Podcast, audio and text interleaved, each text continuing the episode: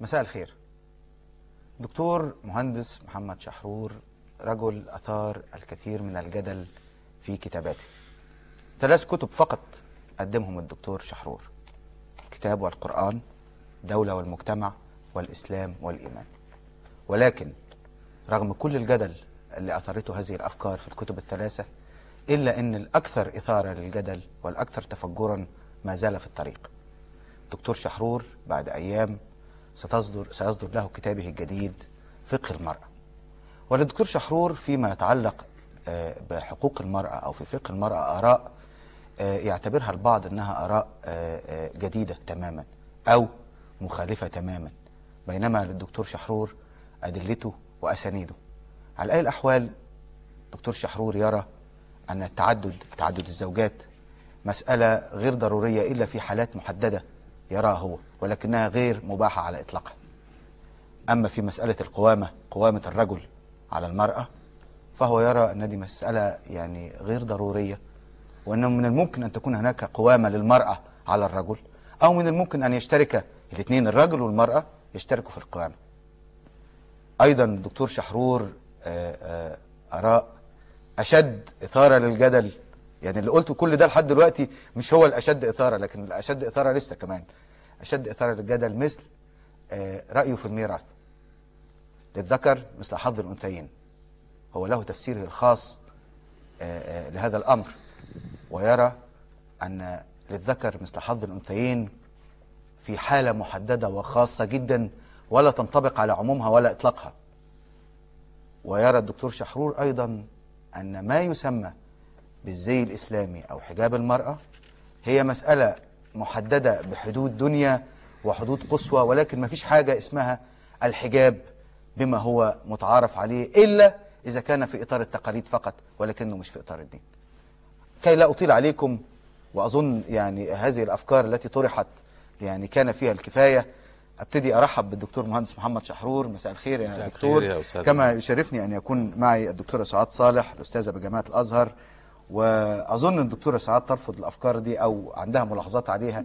وده اللي هنعرفه خلال مناقشتنا. وأبدأ آه، أسأل الدكتور شحرور باختصار يا دكتور كيف ترى فكرة التعدد؟ أو كيف آه، تفسر فكرة التعدد؟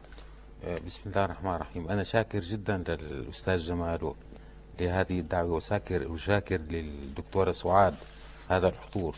وأرى أن إذا حصل هناك اختلاف فهذا لا يفسد للود قضية. وحق الاختلاف مضمون للجميع على مع الاحترام المتبادل الكامل للجميع. آه، آه، أود أنا دائما منطلقي منذ عام السبعين وضعت أمام نصب أعيني آه، في كتاب الله قل يا أيها الناس إني رسول الله إليكم جميعا. واحد. اثنين. وما أرسلناك إلا رحمة للعالمين. ثلاثة. ما كان محمد أبا أحد من رجالكم ولكن رسول الله وخاتم النبيين. الخاتمية الرحمة ال- آه، العالمية. لذا فإني نذرت على نفسي عندما أدرس في كتاب الله أن المستمع أمامي عربي تركي ياباني فرنسي أمريكي يعني هؤلاء هم الناس هؤلاء هم الناس المعنيين في قل يا أيها الناس ويم وكيف يمكن أن أخاطبهم ولا و- وأخرج من الخطاب المحلي الحاراتي ده كمقدمه ده. كمقدمه عامة دكتور تمام. خلينا نخش في نعم. صلب الموضوع نعم. رؤية سيادتك نعم. للتعدديه نعم في التعددية الزوجية في كتاب الله آية واحدة أساسية وفي معها آه، آية ثانية ملحقة فيها. الآية الأساسية قال تعالى آه، آه، ويتكلم عن اليتامى. وآتوا اليتامى أموالهم. ولا تتبدلوا الخبيث بالطيب ولا تأكلوا أموالهم إلى أموالكم إنه كان حبا كثيرا كبيرا. ثم تأتي الآية رقم ثلاثة في سورة النساء معطوف عليها. وإن خفتم ألا تقسطوا في اليتامى فانكحوا ما طاب لكم من النساء مثنى وثلاث ورباع وإن خفتم ألا تعدلوا فواحدة أو ما ملكت أيمانكم ذلك أدنى ألا تعولوا أبدأ دائما بشيء أساسي في قاعدة أساسية لا يفهم أي نص لغوي إلا على نحو يقتضيه العقل.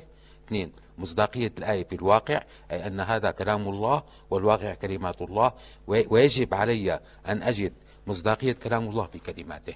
الوجود هذا واجب طيب بس. النتيجة إن أنا عايز النتيجة. عايز بس آه. بداية النتيجة اللي سيادتك خرجت بيها نبدأ بحرف حرف ولا يفهم أي نص لغوي إلى نحو يقتضيه العقل وعندما يخاطب المتكلم السامع لا يقصد إفهامه معاني الكلمات المفردة وإنما هو النظم أنا قبل الشرح يا دكتور آه، عايز خلاص. أعرف آه. رأي حضرتك إن نبدأ بإن إن عبارة عن أداة شرط احتمالية ما بعد إن شرطية الاحتمال ما بعد إذا حتمي آه، آه، حتمي الوقوع يقول أبو البقاء العكبري الفقيه الحنبلي النحوي الضرير الفرضي يقول ما بعد إن آه، احتمالي الوقوع ما بعد إذا حتمي الوقوع كقوله تعالى إذا الشمس كورت أي لا بد أن تتكور.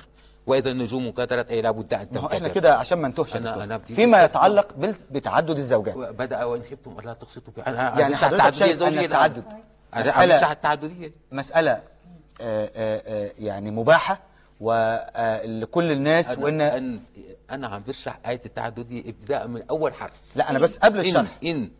قبل الشرح آه. التعدد مباح موجود ولا؟ التعدد هي الأساس في الحياة التاريخية هو التعدد والناس تتجه باتجاه المنع لذا فإن الله يقول لهم عندما تريدون أن تمنعوا التعددية الزوجية فأبقوها على الأرامل.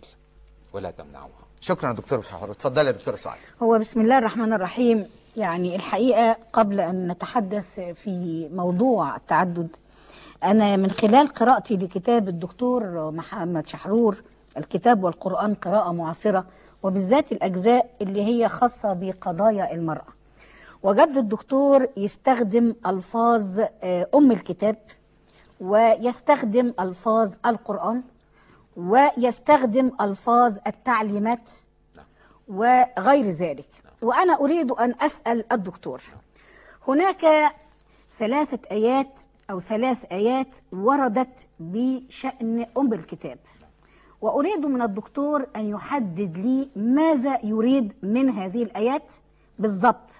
حتى لأن طبعا أكيد حضرتك لما اخترت هذه التعبيرات كان يترتب عليها أو كان تقصد منها أن يترتب عليها أحكام معينة أو آثار معينة.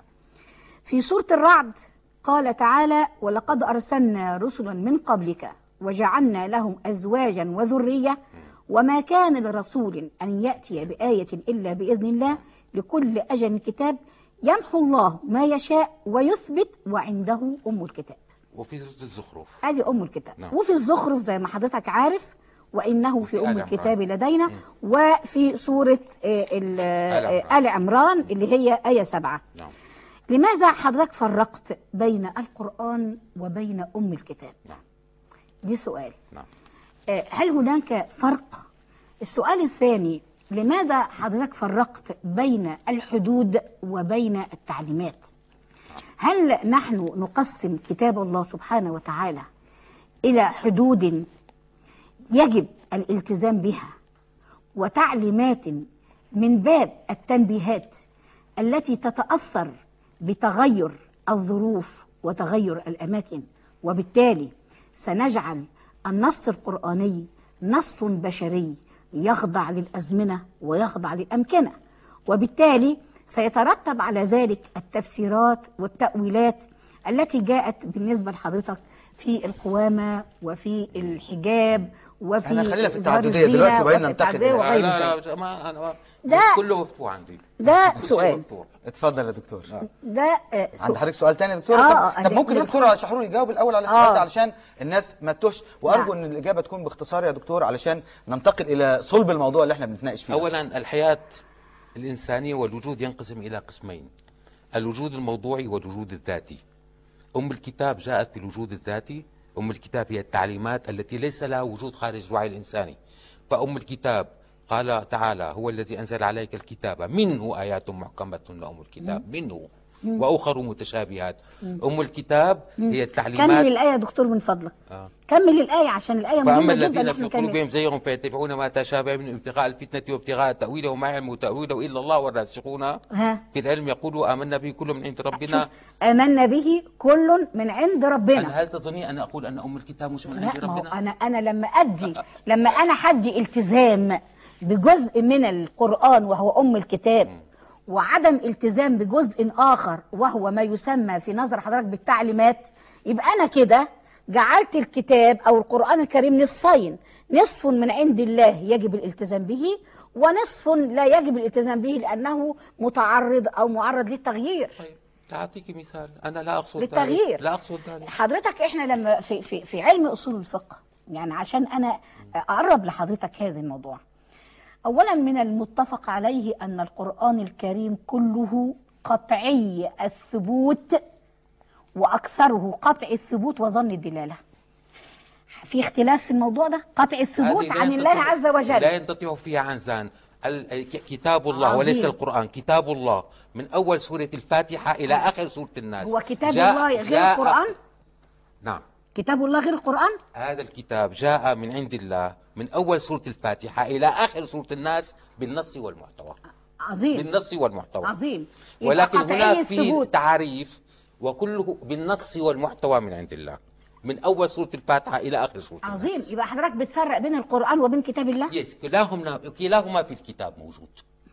هذا أنا مش أقول. أفهم ما الفرق بين القرآن لا، الكريم وبين كتاب الله. ما هو ربنا بيقول وإنه لقرآن الكريم في كتاب مكنون لا يمسه يا إلا المطهرون. يا سيدتي لا يمكن أن يكون طبيب إنجليزي أدق من الله في في تصليحاته. أم الكتاب تعريف هي الآيات المحكمات. معناتها أم الكتاب مش كل المصحف. مين هو آيات يعني محكمات؟ هن أم الكتاب. الآيات قطعية الدلالة. آيات الأحكام. قطعية الدلالة آيات محكمات هن أم الكتاب. آيات الأحكام كلها؟ كلها. طب آيات الأحكام كلها هي- هي أم فيها الكتاب. فيها آيات قطعية الدلالة بمعنى أنها أنا- أنا لا لا- يجري فيها اجتهاد ولا لا- اختلاف. لا لم أصل إلى قطعي الدلاله بعد. الأحكام ما أصل دي هي هيترتب الكتاب. عليها كلمة الحدود يا فندم. دي هيترتب عليها كلمة الحدود والتعليمات اللي حضرتك أشرت إليها في كتابك.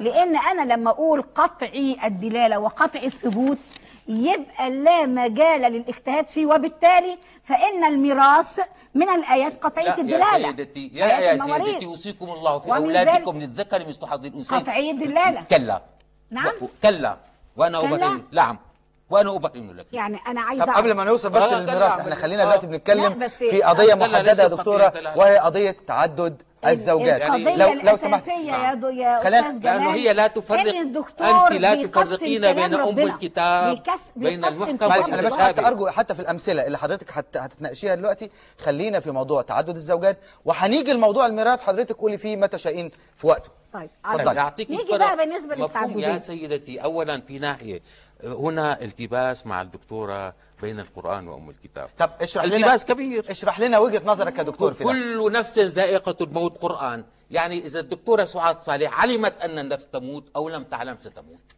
وإذا قبلت بالموت أو لم تقبل ستموت. هي هذا اسمه قرآن طيب. أما إذا كان أم الكتاب لم تعلم بالصلاة فإنها لم تصلي. وإذا علمت بالصلاة ولم تقبل فيها فلن تصلي. هم واضح- كلام هم. الكتاب جزء من القرآن يا فندم. أبدا لأن أبدا. القرآن الكريم القرآن القر- القرآن هو النبوة فقط. وأم ال- الكتاب؟ هي رسالة. هو النبوة هو النبوة؟ فقط. يعني إيه هو النبوة؟ يعني نبوة محمد بن عبد الله محمد على هو رسول يعني النبي. القرآن الكريم اللي مو هو كل المصحف لا. المتعبد هو كل المصحف؟ لا. لا مو كل المصحف القرآن أمال الكريم كل المصحف. إيه كل الكتاب المصحف؟ الكتاب. اول أول أعطيك مثال. ذلك الكتاب لا ريب في أول آية. الكتاب- أنزلناه في ليلة القدر ما هو؟ القرآن. يبقى هو الك- هو نعم لأنه الكتاب. اجى قطعة واحدة. يبقى هو الكتاب. لا إن القر- لا. أنزلناه القرآن. في ليلة القدر. القرآن. شهر رمضان الذي أنزل فيه. وقرآنا فرقناه لتقرأه على الناس على مكث نعم. ونزلناه تنزيلا. نعم. ما هو؟ القرآن. القرآن. نعم. إذا أم الكتاب هي آيات داخل القرآن لا الكريم القرآن هو ولكنها هي آيات بين. بين القرآن الكريم. بين القرآن الكريم. نعم. يعني إحنا يعني- عندنا في إسلامنا كتابين. لا في نعم في في الاسلام إسلامنا كتابين. وممكن يكونوا مئة. كتاب اسمه ممكن يكونوا مية. نعم قال تعالى رسول من الله يتلو صحفا مطهرة فيها كتب قيمة. هاي كتب. كتاب الصلاة كتاب وكتاب الصوم زيادة هاي. كتب. طب اشرح لنا إيه هو الكتاب اللي حضرتك تقصده يا دكتور الكتاب هو مجموع. لا خلينا فاتحة اسمها فاتحة الكتاب وليس فاتحة القرآن. واحد. هكذا اسمها. اثنين. بدأت سورة البقرة في قوله تعالى ألف لام ميم ذلك الكتاب لا ريب فيه. طيب بتقرا بسورة البقرة للآية 185 يذكر القرآن لأول مرة. شهر رمضان الذي أنزل فيه القرآن هدى للناس. أول مرة بيذكره. طيب. وكله عم يذكر الكتاب. مين بقى اللي أنزل فيه القرآن؟ أنزل فيه الكتاب ولا القرآن؟ القرآن القرآن أنزل في شهر رمضان. طيب. هو والفر- الكتاب ولا غيره؟ لا الكتاب هو الكتاب هو القرآن وأم الكتاب. الكتاب هو مجموع ما أنزل إلى رسول الله. يتألف من قسمين النبوة هو والرسالة المجموع بين دفتي المصحف. هو الكتاب. يعني هنا هنا الخلاف في. التسميات يا يا يا لا يا دكتور. لا يا أستاذ جمال ده خلاف آه، عقائدي آه، جامد جدا طب اشرح لنا وجهة نظر حضرتك وإذا كان لا. الدكتور يعني آه، عارف، آه، يعني عارف، أنا عارف- عارف ده معاك. هو. الدكتور بيقول لك إن في حاجة نزلت على الرسول لوحده وفي حاجة بعد كده إحنا نزل لا. نعرفش لا لا نزلت ما قالش إزاي. كده يا دكتور أنا متأسف. إيه؟ لا ابدا لا، انت اتفضل.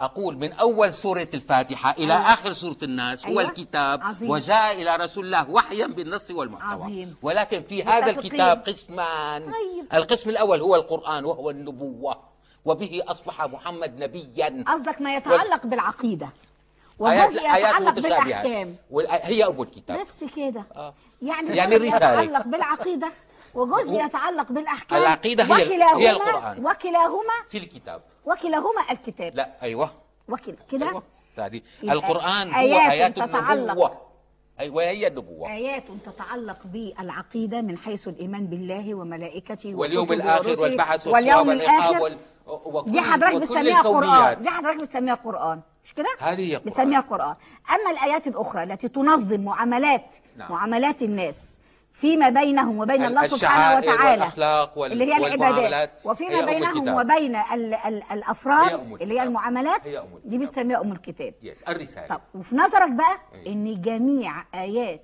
أم الكتاب كلها حدود أم أن بعضها حدود وبعضها ما تعليمات ماذا تقرين آها ماشي آه. ماشي ماشي آه. ماشي في نظرك إيه ماشي دائما في كتاب الله يقول وأطيعوا الله والرسول ويقول وأطيعوا الله وأطيعوا الرسول. نعم.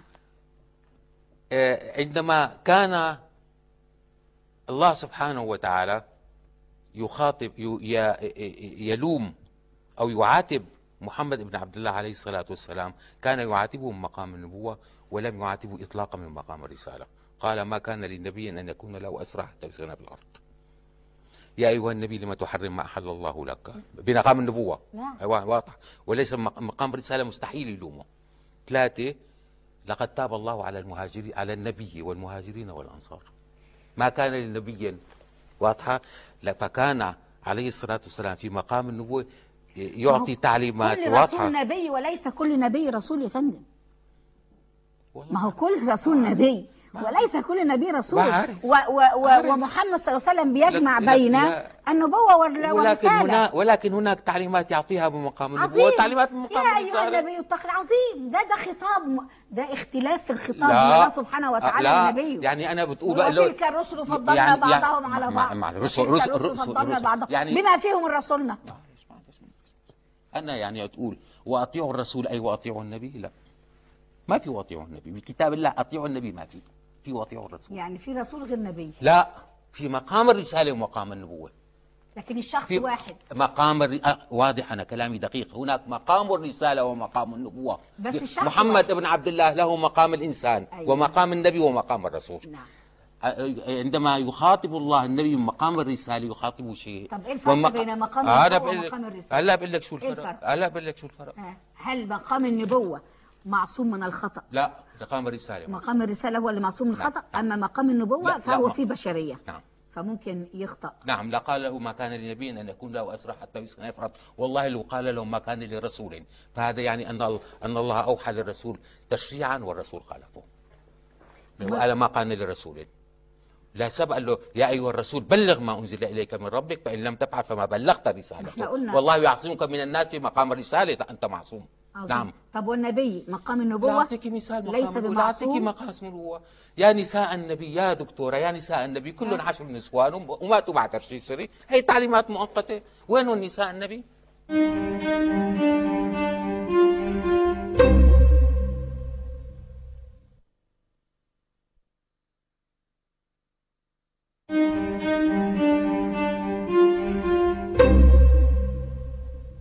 يا دكتورة يا نساء النبي كلهم عشر نسوان وم- وماتوا بعد شيء سري هي تعليمات مؤقتة؟ وين نساء النبي؟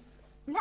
طبعا أعطيك ده من هي عم لك مع مثال. الفارق يا دكتور. لا يا يا مع يا دكتور. عم جيب لك آية بكتاب الله لا يا نساء النبي. طب ما فيش طيب وين. النساء النبي؟ ما خلصوا؟ ما يا أيها النبي لما تحرم ما أحل الله؟ لكن آه. النبي هو الرسول. يا دكتورة أنت تغالطين الآن أقول هناك الرسول له محمد بن عبد الله له عليه الصلاة. له مقامان مقامان. أو ثلاثة مقامات مقام الإنسان محمد الإنسان. ومحمد النبي ومحمد الرسول يعني هذا تكون مبتوتة ما عم بخاطب ثلاث أشخاص ولكن أنا أخاطب بمقام النبوة أنا أخاطب بالبيت بمقامي كزوج وأخاطب بجامعة بمقامي كأستاذ جامعة بس أنا نفس الشخص. طب الخطاب الموجه للرسول بمقام النبوة. آه رح أقول لك يا ولو- يعتبر حدود ولا تعليمات؟ لا هي تعليمات. لا تعليمات. أعطيك هي مثال. هي جبت لك مثال. كيف كيف بده يحط له حدود؟ يا أيها النبي لما تحرم ما أحل الله؟ له يا الرسول لما تحرم ما أحل الله؟ يعني الرسول عم يحرم؟ أيوة. لا الرسول ما مثل حاجة. لا لا لا أنا بشر يعني مثلكم يوحى يعني, إلي. يعني الرسول قل إنما أنا بشر مثلكم مقام يوحى إلي. ومقام النبوة النبي نعم بس لكن في مقام الرسول الرسالة النبي معصوم لا يخطئ في الرسالة لأنه الرسالة بده يبلغها ما ممكن يخطئ. يا فندم هو قال له يا عن الرسول. يا أيها الرسول لما تحرم ما أحل الله لك ما. إيش شو بدي قل يعني معناتها أنا بشر مثلكم يوحى مقام قلت لك يوحى. خاطبه إلي. بمقام الرسالة ما عم بمقام الرس- البشر اختاروا ربنا بالوحي. لكن الرسالة وحي ولا مو وحي؟ وحي إيه، طبعاً. عم أقول لك في والنبوة والنبوة عم يخاطب وحي. مقام الرسول. عندما كان يعني هنا إذا كان الفقه لا يفرق بين مقام النبوة ومقام الرسالة أخي مو ذنبي أنا مو ذنبي شو- لا تفرقوا عند حضرتك أي تعقيب على النقطة اللي اتفضل بيها أنتم الدكتور لا؟ تفرقوا بين مقامين نحن لا عندما نفرق. كان الرسول عندما كان الله يلوم النبي عليه الصلاة والسلام هي المصحف أمامكم يلومهم مقام النبوة دائما لا يلومهم مقام الرسالة هي المصحف كله أمامكم وعندما وعندما أعطاه تعليمات خاصة به لرسول الله قال له يا أيها النبي إنا أحللنا لك أز... لك لك لك ها؟ أزواجك. إيه، يا أيها النبي. يا فندم دي خصوصيات إيه ليش خ... شو بإيش خاطبه؟ بأي مقام؟ والتعدد يا- للرسول في تسع زوجات لك- خصوصيات. لك يا دكتورة ب- أنا ما عم بحكي على الخصوصيات بأي مقام خاطبه؟ بمقام النبوة والرسول والر- والرسالة معا لا نبوة. أنا لا أنا بالمصحف في دقة بالمصحف. يا أيها النبي قال له يا أيها النبي مو يا أيها الرسول. بآية ثانية بيقول له يا أيها الرسول كذا وكذا وكذا أنت ناحية تقولي يعني عقائدية، يعني يعني إذا كان عندك يا أيها النبي أي يا أيها الرسول ويا أيها الرسول أي يا أيها النبي أنا عندي. دي ناحية أنا- عقائدية يعني هاي- أعتقد هاي- هاي المتخصصين مشكلتك. في علم هاي- هاي مشكلتك هم اللي يقدروا يردوا على حضرتك فيها. ليش- حضرتك تخصص هندسة أساسا. لا لا لا لا لا طولي بالك طولي بالك. لا لا لا طولي هم لا الذين يوضحون لا لا- الفرق لا طولي بين بالك. النبوة وأنا وأنا لكن من المعروف ومتفق عليه أن يكون نبي رسول وليس كل رسول أنا أنا لم أقل أنا لم أقل غير ذلك. أقول هناك خطاب مقام النبوة وأن هناك خطاب مقام الرسالة عندما الله يلوم الرسول عليه الصلاة يلوم محمد بن عبد الله عليه الصلاة والسلام يلومه مقام النبوة. ما كان للنبي يا أيها طب النبي. لقد لا كان لكم في رسول الله أسوة حسنة. آه، آه، آه، آه، هاي آه. شفتي هي رسالة. نعم. هنا عم طب يخاطبنا نحن- حينما يحرم الرسول صلى الله عليه وسلم شيئا كان مباحا له أنا أقتدي بالرسول ولا أحرم هذا الشيء؟ ولا لا أقتدي لأنه جاء لا- يا لا- أيها لا النبي؟ لا مو لأنه جاء يا أيها النبي. لا- لا مو. أقتدي ولا ما أقتديش؟ لا لا ما أقتديش. أبي لومه يا سبحان الله. ما أنا أق... ما اقتدوش يعني ما اعملش في هذا الموضوع. يعني القدوة تكون إن أنا لا أحرم شيئا طيب. كتبه أو أحله الله علي لأن الرسول صلى الله عليه وسلم حينما حرم شيئا أحله الله له قد عاتبه الله. سبب مقام أنا- النبوة. اذا لابد يكون في قدوة. يعني معناتها الرسول حرم على نفسه شيئا مباحا. هذا اللي بدي لك إياه. عظيم. اذا كل معناتها شيء ولا سبب مو هو اذا نحن هو أتباع الرسول. إحنا أتباع الرسول. لا نحرم على أنفسنا باليمين شيئا كان مباحا لنا. لأن الرسول صلى الله عليه وسلم أسوة لنا وقدوة حضرتك لنا متفق لا. مع اللي بتقوله الدكتورة سعاد ولا واضح واضح ولا لا لا في شغله بالأسوة. اتفضل. بالأسوة. اتفضل. اولا رسول الله ليس رسول الله فقط أسوة حسنة لنا. الله طلبنا أن يكون إبراهيم أسوة حسنة. مو هيك؟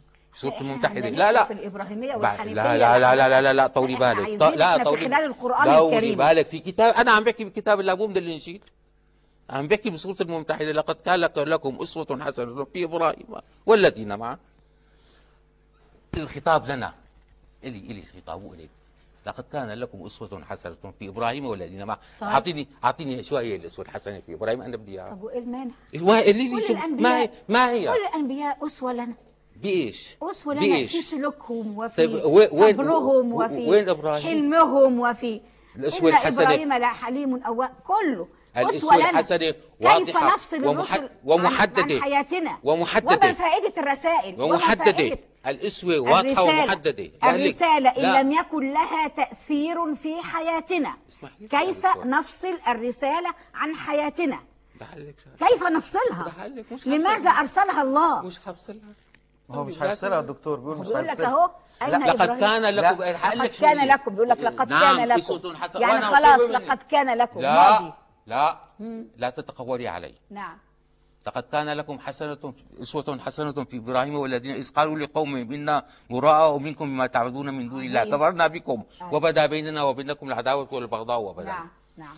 أي أنه الأسوة الحسنة لإبراهيم بإبراهيم وفي رسول الله. أنك يحق لك أن تعادي قومك من أجل التوحيد. أن تعمل إيه؟ أن تعادي قومك من أجل التوحيد. أن تعادي قومك من هذا أجل هي التوحيد. الأسوة الحسنة. بس ما بعدي قومي أنا. مشان الحجاب أنتبهوا. ما ب- ما بعديهم لقومي. هذا دلوقتي، إحنا بنتكلم لا يعني عم أقول عم أقول لك. محدد. لا هو هنا. الدكتور هو الدكتور بيشرح وجهة نظره في الأسوة الحسنة. الأسود أيوة، وهذا أيوة. و... ورسول الله هل عاد قومه؟ لقد جاءت الأسوة الحسنة في سورة الأحزاب. في وقعة الأحزاب. لقد كان لكم في رسول الله أسوة حسنة. لمن نعم. كان يرجو الله واليوم الآخر نعم. وذكر الله كثيرا. نعم.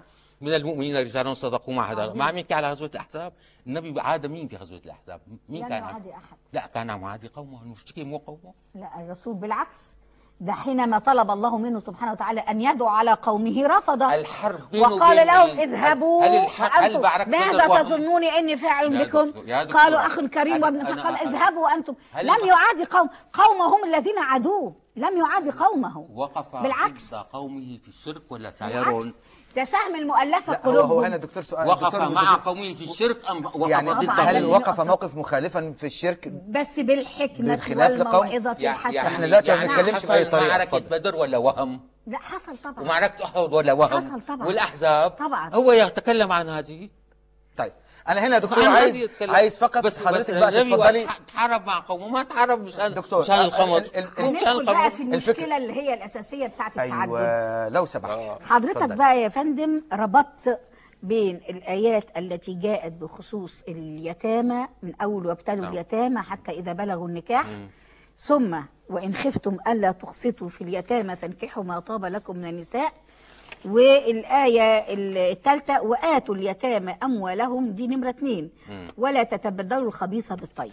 نعم حينما نرى الخطاب في الآيات نرى أنه خطاب مختلف. طب أنا بس قبل ما حضرتك تكملي يا دكتورة عايز حضرتك تقولي لي بداية وجهة نظر حضرتك في قضية التعددية الزوجية. باختصار.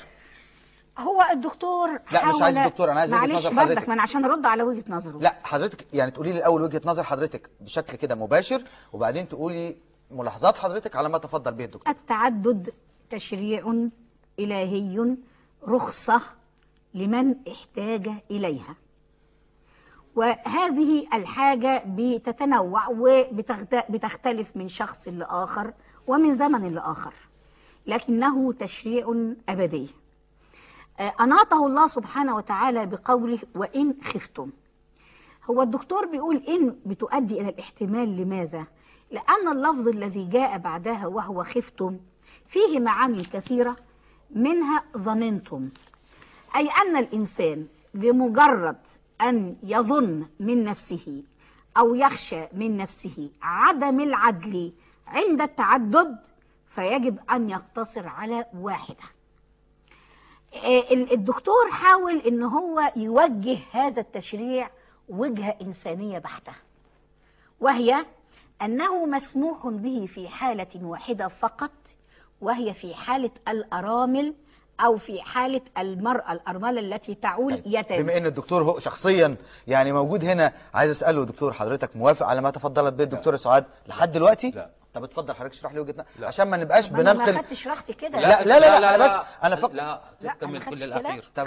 راحتي. أنت كملي وأنا بكمل الأخير اتفضلي أنا بس. عشان. عايز أقول أنا مستمع أنا النقولات اللي حضرتك بت... لا، بتقوليها أنا للدكتور. بما إن هو موجود أنا بس عايز أتأكد إن هو موافق عليها إذا تشريع التعدد الوارد في قوله تعالى وإن خفتم ألا تقسطوا في اليتامى فانكحوا ما طاب لكم من النساء وحضرتك قلت آية الحدود سميتها آية الحدود والحد عند حضرتك والله استخدام هذا المصطلح أنه مصطلح قطعي من أم الكتاب نعم. مظبوط؟ نعم. طيب فانكحوا ما طاب لكم من النساء مثنى وثلاث ورباع فإن خفتم ألا تعدلوا فواحدة أو ما ملكت أيمانكم ذلك أدنى ألا تعولوا حضرتك مسكت سبب النزول وهو الوارد عن السيدة عائشة رضي الله عنها حينما قالت لعروة بن الزبير يا ابن أختي هي اليتيمة تكون في حجر وليها تشاركه في ماله فيعجبه مالها أو مالها وجمالها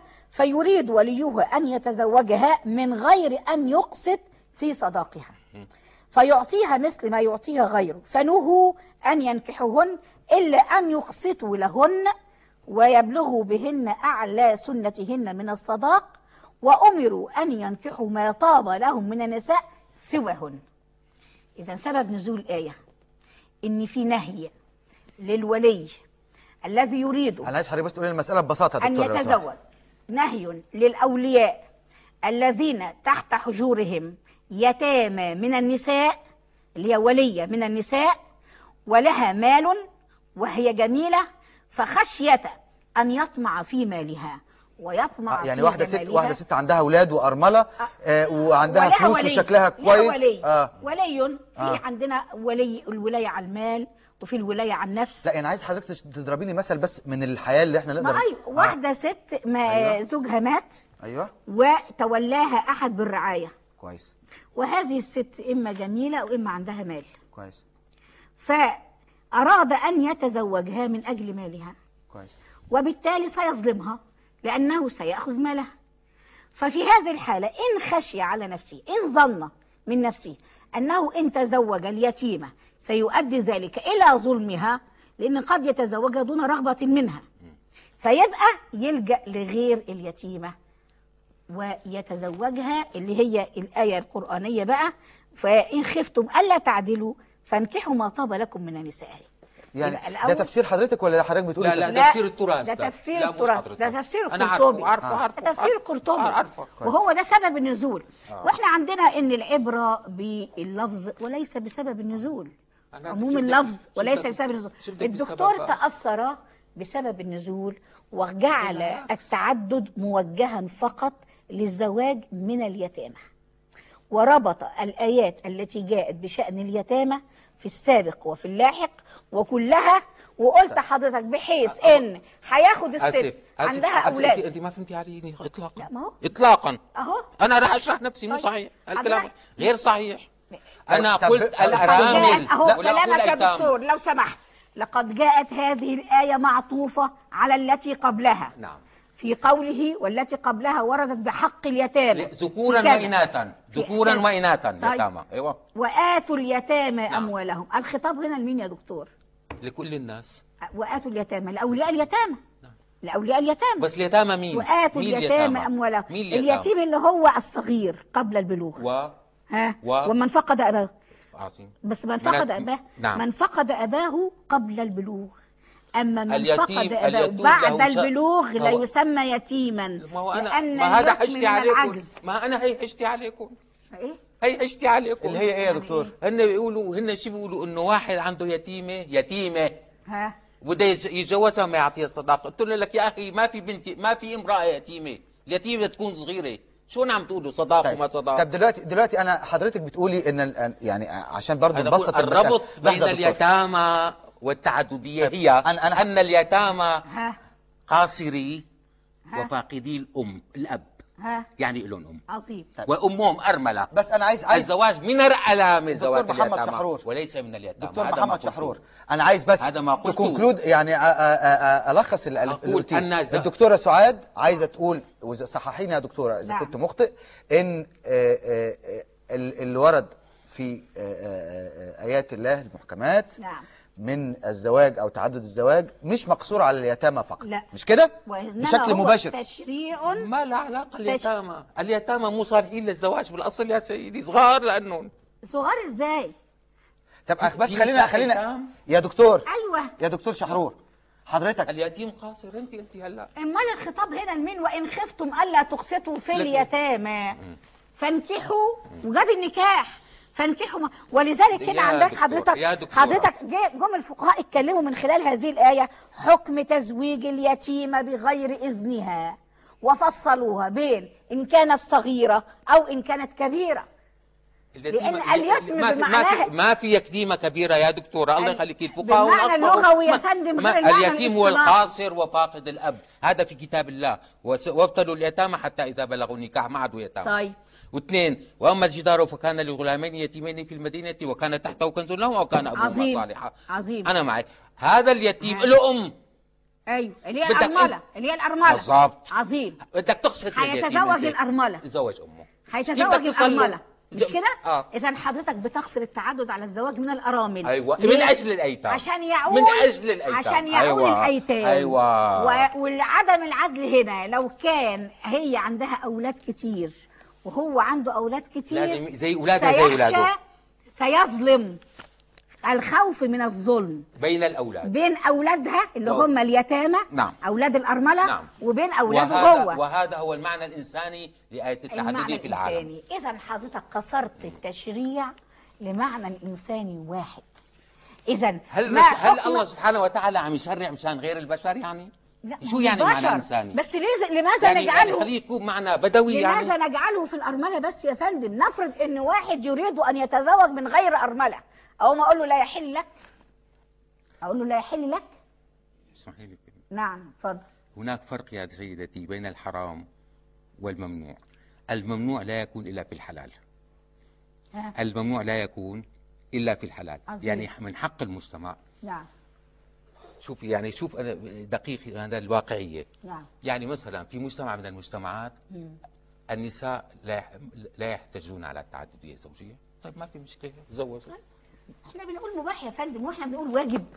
اسمعي اسمعي بس خليني أكمل. في مجتمع بدأ الاحتجاج. ها؟ يعني في احتجاج بده يحتجوا على التعددية. يعني يعني بزمان سيدي رسول الله كان هناك تعددية زوجية بس ما حدا احتج. عدم الاحتجاج لعدم العدل يا فندم الآن. لك لك معلش معلش لعدم يعني تنفيذ شرط العدل وليس احتجاج. للتشريع نفسه. وليس للتشريع. بدليل إن في بلاد في بلاد مثل تونس منعت التعدد مطلقا. نعم. وعندكم في سوريا التعدد موجود ولكن مقيد بالعدل. وعندنا في مصر مقيد بالعدل. والقرآن الكريم قيده بالعدل. إذا أنا ما أمنعش. هو الناس لماذا تنظر إلى هذا لا- التشريع لا على أستطيع- أنه أستطيع أن أمنع التعددية ولا يحق لي أن أحرم. تمنع تشريع وهو حدود نظرك التعددية ولا يحق لي أن أحرم. واضح كلامي يا دكتوره أنا دقيق كثير. تمنع إزاي تشريع نص ولا ولا نص. أحرم. ما الفرق بين المنع والتحريم يا دكتور محمد؟ طبعا. الفرق كثير كبير. أنا بجي لل... صار احتجاج على التعدديه الزوجية بيقولون على رأسي. عرضوها للاستفتاء لا بين النساء. ها؟ إذا معلش النساء قالوا الأكثرية إنه نحن بدنا تعددية زوجية. فنعم ما هي بتقوى وأنا أحتج على تونس. ما بصير ما بصير يلغيها بدون استفتاء بتجي بتستفتي طب ما هو وإذا- منع. ما هو منع. الاستفتاء ولا النص. يا دكتور؟ ده استبداد. أنا أحتج على الاستبداد بنعم أنا بالقوه هنا أنا بغض النظر عن الاستبداد القصة القصة في الاستفتاء ولا في النص؟ هل النص بيبيح شيء وبالتالي أنا بمنعه؟ اسمح لي. اتفضل. أنت بتمنع الناس إنه في مشكلة معينة إنه لا تأكلوا لحم غنم. بتقدر تمنعهم. بس اللي بياكل لحم غنم ما بتع- بتعاملوا مثل اللي بياكل لحم خنزير. ما ارتكب محرم ارتكب ممنوع. أي أننا عندنا نمنع التعددية الزوجية. وإنسان ما خالف هذا المنع خالف المنع الإنساني. بس هو لا يحق لي. النص مش في لحم الغنم يا دكتور النص النص في. التعدديه لك راح أعطيك المثال. إذا إنسان نحن منعنا التعدديه الزوجيه باستفتاء. واذا استفتاء على تشريع الله؟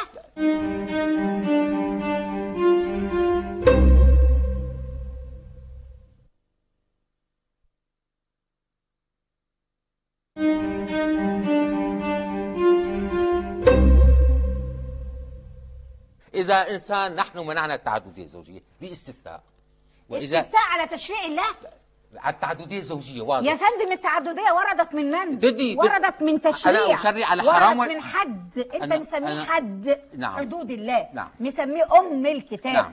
طب كيف نعم. كيف أستفتي بشر على حد من حدود نعم. الله؟ أستفتيهم أستفتيهم اذا اذا يعني إحنا كده هوت يعني في إهدار على قطع يد السارق كمان أنا استفتيهم لا قطع عاد السرقه عند آه، لا توفر. استفتيهم عند توفر. الشروط لا لأنه. حد لأنه حد يا وامر فندم ده الحد عقوبة وجبت وجبت مقدرة لله ما هي ما هي. حججك يا دكتور انك إن من حق البشر أن يستفتوا فيما معقول. ورد في في نص ما عم تخلوني أحكي. لا تفضل احكي زي ما أنت عايز دكتور تفضل. عندما بصير استفتاء لمنع التعددية الزوجية هذا الاستفتاء يوضع له اللي بيتزوج واحدة ثانية؟ غير الأرملة.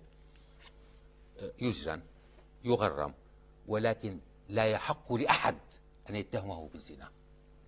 فإذا اتهمناه بالزنا فنكون قد حرمنا ما أحل الله وهذا لا يحق لنا. شفت شوف واضح كلامي هلا؟ لا، لا. يحق لنا أن نتهمه دكتورة سعاد بتقول إنه مش واضح. وضحوا لا يا دكتورة سعاد. لا أعطيك ولا أعطيك مثال هذا. لا لا لا لا لا, لا مو. عشان. نحن نحن البشر لا يحق لنا التحريم. عظيم. الزنا حرام. عظيم. والزواج حلال. نعم.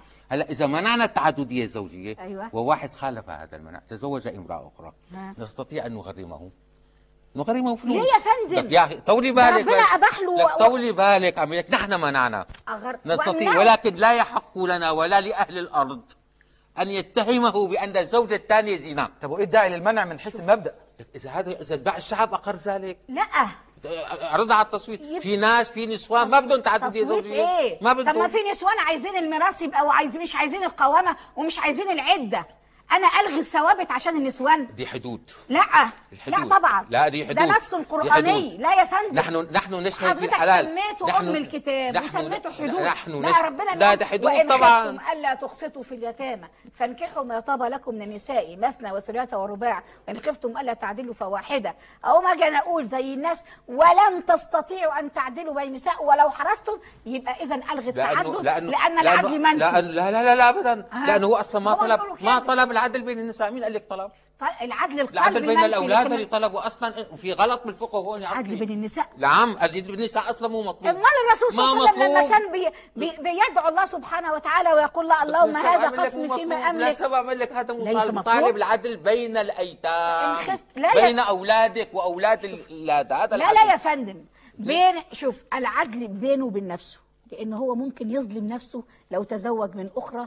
ولا يستطيع أن ينفق على الاثنين. هذا كلام نظري العدل مجاله واسع جدا. مجال نظري. طب أنا يعني عايز- عايز حضرتك أسأل- كلامي أنا نظري. لا، أنا عايز أسأل أنت حضرتك يا دكتورة نظر. سعاد نعم. ما هي أدلة حضرتك وما هي أدلة الدكتور شحرور؟ أدلتي- الذي اتفضلي. أنا كتاب الله ما عندي لحظة، ثانية لحظة. ومصداقيتها على الواقع. أنا عايز أسأل الدكتورة لا، سعاد اتفضلي يا دكتورة سعاد دكتورة. لا، يا دكتور شحرور. اسمح لحظة لي لو سمحت دقيقتين. دقيقتين بس معلش أنا عايز اسمع الاتحاد السوفيتي قبل سنة الاتحاد السوفيتي. 59 قبل كان في السوفيتي. 22 مليون و200 ألف امرأة ارمله طيب أوكي؟ من وراء. الحرب. 22 مالهم مليون امرأة مالهم أرملة كان في؟ أرامل في الاتحاد 22 السوفيتي. مليون طيب يبقى هنا بقى نبيح التعدد نعم وعندنا لا يوجد نعم. أرامل نمنع التعدد نعم. لا طب قولي لي أدلة حضرتك إيه أدلتي- لا نحرم. أدلتي لا نحرم، نمنع. أن. هذا شوف بي الدكتور بيفرق بين التحريم والمنع مئة أنا مش أبدا بالمئة.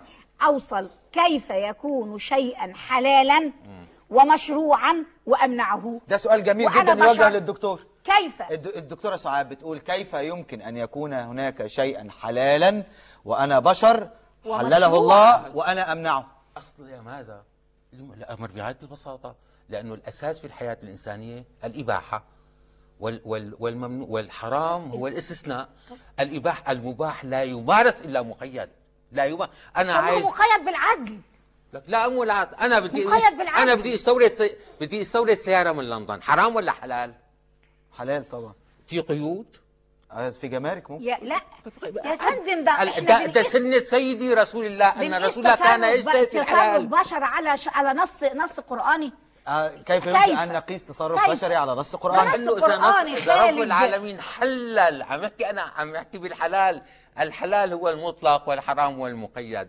يعني الحلال مطلق وإن إنسان يقيده ولا يحرم ممكن تشرح للدكتورة سعاد يعني يمكن يمكن يعني هي إذا. لحم الخنزير يا دكتور نعم. لما ربنا حرمه ها ممكن أقول إيه أقول إنه أنا ممنوع وليس حرام لا. لا هنا لا هو أقول الدكتور؟ ما قالش هنا 12 كده يا دكتورة غيرها، أنا ما معلش قلت 12 آه. محرم فيه ها أما أنت أنا هون وين وين الحرام بالتعدديه الزوجيه فرجيني. ما فيش قلت لك. أنا الله حرم. إباحة. مش فيها إباحة؟ الله حرم مش الزنا فيها إباحة يا نعم فندم؟ نعم. مش فيها إباحة؟ نعم. طيب. ويحق لنا لماذا تحديد الإباحة. لماذا حقنا. حق تحديد الإباحة؟ حقنا. تحديدها بإيه بقى؟ بواحد باثنين بثلاثه بأربعة. عظيم. وبإيه كمان؟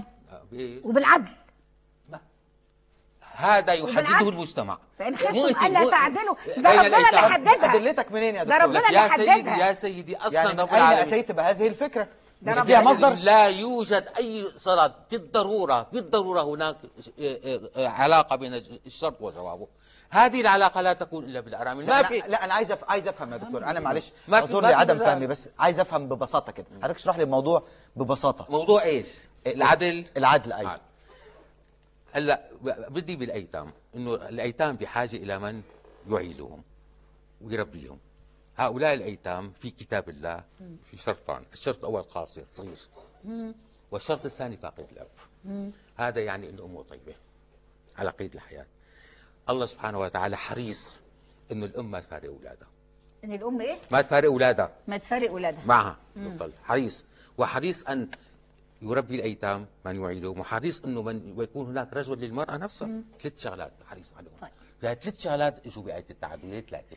طب لو الم... ال- الرجل لل... لل... للأرملة ومعيل للأيتام ومربي. عظيم. و... وعدم التفريق بين الأم وأولادها. هذا جانب. هاي ثلاث شغلات. طب جوانب أخرى بقى. زي جوانب إيه أخرى. هذا أهم شيء تزوج شيء. تزوج من أجل أن زوجته لا تنجب. نعم. وتزوج بكرا وليست أرملة. ما حكمه؟ إذا كان المجتمع ما لم حكمه؟ طولي بالك. ها؟ لم يرتكب محرما. عظيم. لك أنا والله واضح ما ليش ما بفهم يعني. ما ارتكب محرم السلامي عظيم. يبقى منعه. ولكن إذا منعنا التعددية الزوجية بنحسن نعمل له من غير ما اعمل له 10000 عقوبة. ليره. آه هذا اللي آه. عقوبة. بس لا يحق لي اللي حرم الزنا الله. لا يحق لي أن أتهمه بالزنا. لا، ده هم هناك- لأنه الزنا رب ده فين يا. دكتور. يعني يعني يعني لا، الزنا. محرم. لا هنا حضرتك. هنا حضرتك إيه بتقول حاجتين.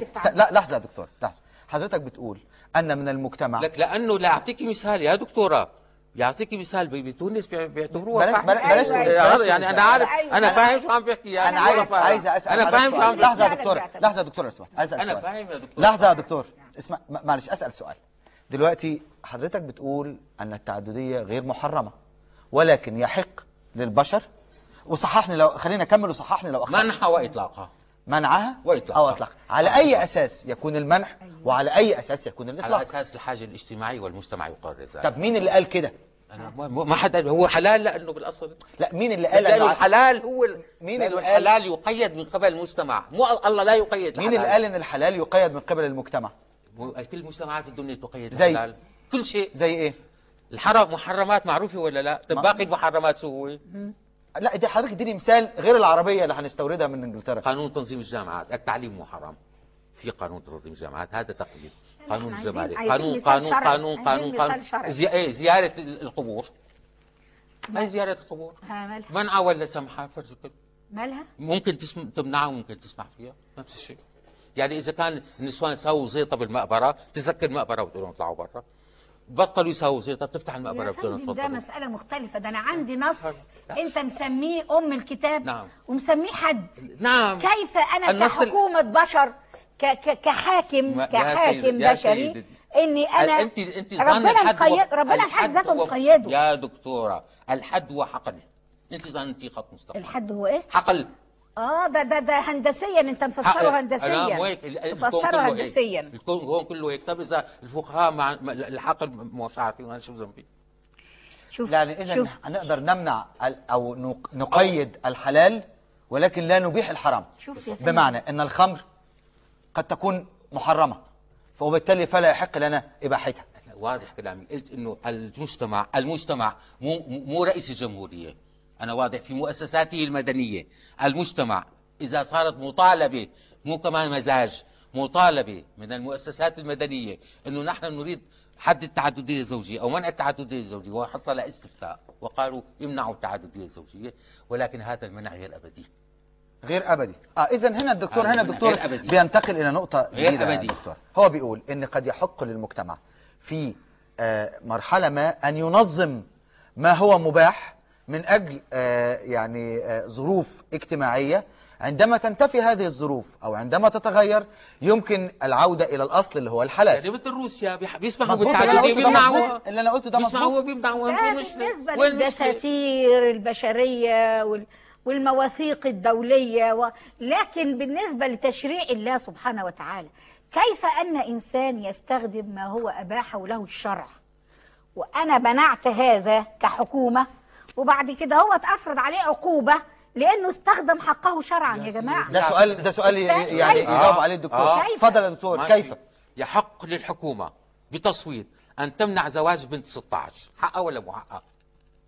ده سؤال برضه موجه للدكتورة سعاد حقها. بيحصل ولا ما بيحصلش يا دكتورة واذا واحدة الحكومة تزوج بنت بتمنع 16 هل يتهموها بالزنا؟ نعم لا لا ما يتموش هذا اللي أنا، كده وهذا اللي. لسنا مع الحكومة لأن هل الزواج المجتمع يحق له منع زواج بنت دون 18 يحق له. يحق له هو هو يحق ده, ده, ده, له ده كلام على فكرة وجيه يا دكتور. يعني هذا يحدث في المجتمعات. أن المجتمعات تنظم بعض يحدث الأشياء. شيء والناحية الشرعية و- شيء. لك إيه هي أعمل لك بيحدث. الناحية الشرعية لكن ما هو الحكم الشرعي لما يا يحدث؟ سيدتي طيب. يا سيدتي حأعطيك ما- الحكم الشرعي. يعني- يعني المفروض الحاكم الشرعي. الإسلامي في أي بلد إسلامي مطالب بماذا؟ مطالب بتنفيذ الشرع. مطالب بتنفيذ الشرع والشرع هذا ما جاء في كتاب الله وفي سنة طب هل ما يقول الدكتور في- مخالف للشرع؟ ما ما أنا بعاقب لا واحد أنا عايز عايز كلام. واضح عايز كلام واضح. هنا يا مخالف. دكتور كيف؟ اولا الدكتور قيد حالة الزواج من ناحية الأرامل فقط ولم يجعل التعددية لأي سبب رغبة أو عدم إنجاب أو مرض. أصل التعدد له أسباب كثيرة. اذا هنا الدكتوره يردوا علي. هذا اتفضل. رد عليه يا دكتور. إذا عدم إنجاب بس المرأة ما بتنجب والرجال ما بينجب كمان بس الرجال كل الحجج اللي بيقولوها قابلة لأن تعكس. ها أيوه. قابلة أن تعكس. ها. إلا حالة الأرامل غير قابلة أن تعكس. يعني وحدة مات جوزها هو ماتت مرته بقول لك إيه ماتت مرته هو مو خلص بيجوز واحدة ثانية ما عاد في مشكلة. طب مش عايز يتجوز الا هو؟ معلش كل الأشياء اللي بتقولوها. واهية واهية لأنها تعكس. تقولي المرأة مريضة بقول لك إيه والرجال مريض؟ بتقولي المرأة لا تنجب بقول لك والرجال لا ينجب أيوه الرجال اما لا ينجب اما الر- أما يعني المرأة أما تطلب تقولي لي هي أرملة بقول لك إذا هو أرمل معناتها المرأة. تتضرر تطلب الحق في الطلاق والتطليق من القاضي يا دكتورة أنا واضح لكن ما قلت أنا طب أقول واضح لك. حضرتك بقى لا ده أنت كلامي. كده عايز تبيح التعدد. كمان للمرأة التعددية الزوجية لا لا لا أنت- التعددية أنت الزوجية ليست حراما. هل أنت تريد خطأ. تبيح التعدد للمرأة يا دكتور آه. شحرور لا امال إيه أما من أين أتيتي بهذا الكلام يا. دكتورة سعاد لا لا جبتي منين إن الدكتور عايز من- يبيح التعدد بس أنا بقول أقول كل. لا لأن لحظة. أنا بقول إن الرجل حينما لا تنجب أنا عايز- امرأته- أنا سؤالي واضح يا لا دكتورة. تنجب امرأته اهو لما تنجب لا تنجب امرأته من يعدل. كلام الدكتور شحرور فهو بيقول لك جبتي منين ان إنه يبيح التعدد أنا للمراه أقول لحضرتك لأن أنا لما بقول إن سبب من أسباب التعدد هو عدم إنجاب المرأة فبيقول طب ما الرجل لا ينجب مظبوط الرجل لا ينجب. يمكن لا ينجب. معنى كده إن الرجل لما ينجب يبقى المرأة لا تعمل ما؟ المعنى مو ذلك. بس المعنى إنه الحجة واهية. طيب. هذا المعنى إنه الحجة واهية دي طيب. أما أنا عندي حجة لا تعكس. إحنا على فكرة لا تعكس. كل ده يعني وحدة ما ما ناقشناش ما ناقشناش غير قضية واحدة بس قضية التعدديه بس- ما زال عندنا قضية القوامة. خلاص عندنا قضية القوامة وعندنا إن ربنا دكتورة سعاد معلش عشان أنا نعم. الوقت الوقت الوقت نعم. عندي الوقت عندي انتهى. لحظة يا دكتور لا، يبقى ظلم. يا دكتور. هو إيه اللي ظلم. اعفاهم من مشان الصداقة الأيتام. ولو. مشان الأيتام. ولو. وعفاهم إيه؟ وعفاهم من الارث خلينا نكمل الحلقة ال- ال- اللي جاية بكرة إن شاء الله. آه، بقية المناقشات في في قضية بكرة، القوامة. بكرة. يعني في قضية القوامة وفي قضية الارث. وفي قضية آه، لحظة يا دكتور. آه، عايز حضرتك بس تلخصي لي آه، النتيجة اللي خرجت بيها من هذه الحلقة يا دكتور. النتيجة اللي خرجت بيها إن تشريع التعدد هو الأصل فيه الإباحة وليس الوجوب والإباحة هنا مقيدة بالعدل وعند الخوف من الجور أو الظلم أو عدم العدل يكتفى أو يكتفى بواحدة. ولا يشترط ابدا ولا يوجد في النص ابدا ولا في النصوص المرتبطة بالنص ما يمكن حصر هذا التشريع بإباحة الزواج من الأرملة فقط. شكرا. اتفضل يا دكتور شحور عايز ملخص هذا السؤال. موجه لرب العالمين ليش ربط بين اليتامى والتعددية؟ ما بعرف. ليش ليش عايز ربط؟ عايز لا أنا عايز لماذا النتيجة. قال وأن خفتم ألا تقسطوا في اليتامى وفانكحوا لزوما مرتبطة بالأولانية؟ لزوما. يعني حضرتك ترى لزوما. أن التعدد مرتبط والعلاقة بين هذه وهذه الأرملة. التعدد مرتبط شو معناتها؟ بالزواج من الأرامل؟ واضح كلام اتفضل أيها الناس إذا جاء يوم. يعني هلا مثلا الدكتوره سعادة ممكن بعد 200 سنة الناس تزهق من التعدديه ربنا بيقول لهم إنه إذا أردتم أن تلغوا التعددية الزوجية مو معناتها أنتم بتزنوا مو معناتها التعددية الزوجية غلط ولكن إذا أردتم أن تلغوا التعددية الزوجية يا سيداتي لا تلغوها من أجل الأرامل. لا تلغوها إيه؟ على الأرامل. على الأرامل؟ إذا أردتم أن تلغوا التعدديه الزوجيه إذا أردتم. عظيم. يبقى إحنا لا تلغوها على عظيم. الارامل شفتي بقى التغيير؟ هذا واضح. شفتي واضح. التغيير بتاع الدكتور؟ أنا ما غيرت ابدا. شفتي التغيير؟ أبداً. لا في تغيير. حضرتك تشوف إذا التغيير. لا في أردتم لها سبب تغيير. قول تعرض. لا في تغيير. لا يعني تعرض. اذا الدكتور بيقر أن التعددية في جميع الحالات لكن في حالة ما لو هيحصل منع أو تقييد يبقى لا يحصل في حالة الارمله نعم. ولكن إذا واحد بس. خلق هذا المنع نعاقبه بس. شكرا ولا شكرا نتهمه بالزنا شكراً دكتور. دلوقتي شكرا بس شكرا يقولون للدكتور. شكرا للدكتور محمد شحرور. دكتور شحرور لا، دكتور شحرور حضرتك. هتكمل حضرتك هتكمل في الحلقة لا. لا شغله ثانية بس طول بالك شكراً يا دكتور شحرور. الوقت. معقول واحد لا ينجب ليش الأرملة ما بيمشي الحالة يعني؟ شكرا دكتور شحرور. ما بيمشي يا دكتور يعني. شحرور الدكتوره سعاد هتجاوب على حضرتك في الحلقة اللي جاية. شكرا دكتور محمد شحرور وشكرا للدكتوره سعاد صالح وإلى اللقاء في حلقة قادمة لنتابع مناقشة قضايا القوامة والإرث ثم القضية الأشد تفجرا والأشد إثارة للخلاف قضية زي المرأة المسلمة. إلى اللقاء.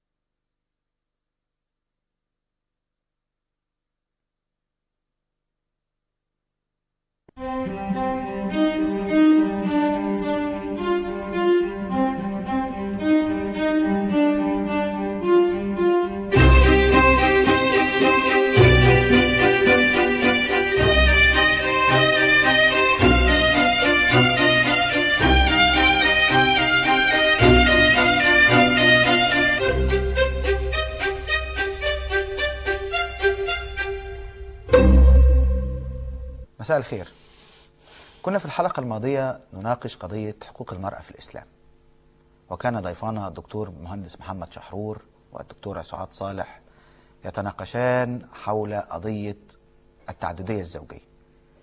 وصلوا لاتفاق في نقط ووصلوا لاختلافات شديدة في نقط أخرى ولكن في النهاية إحنا يهمنا ما يمكن أن يسمى بإعمال العقل.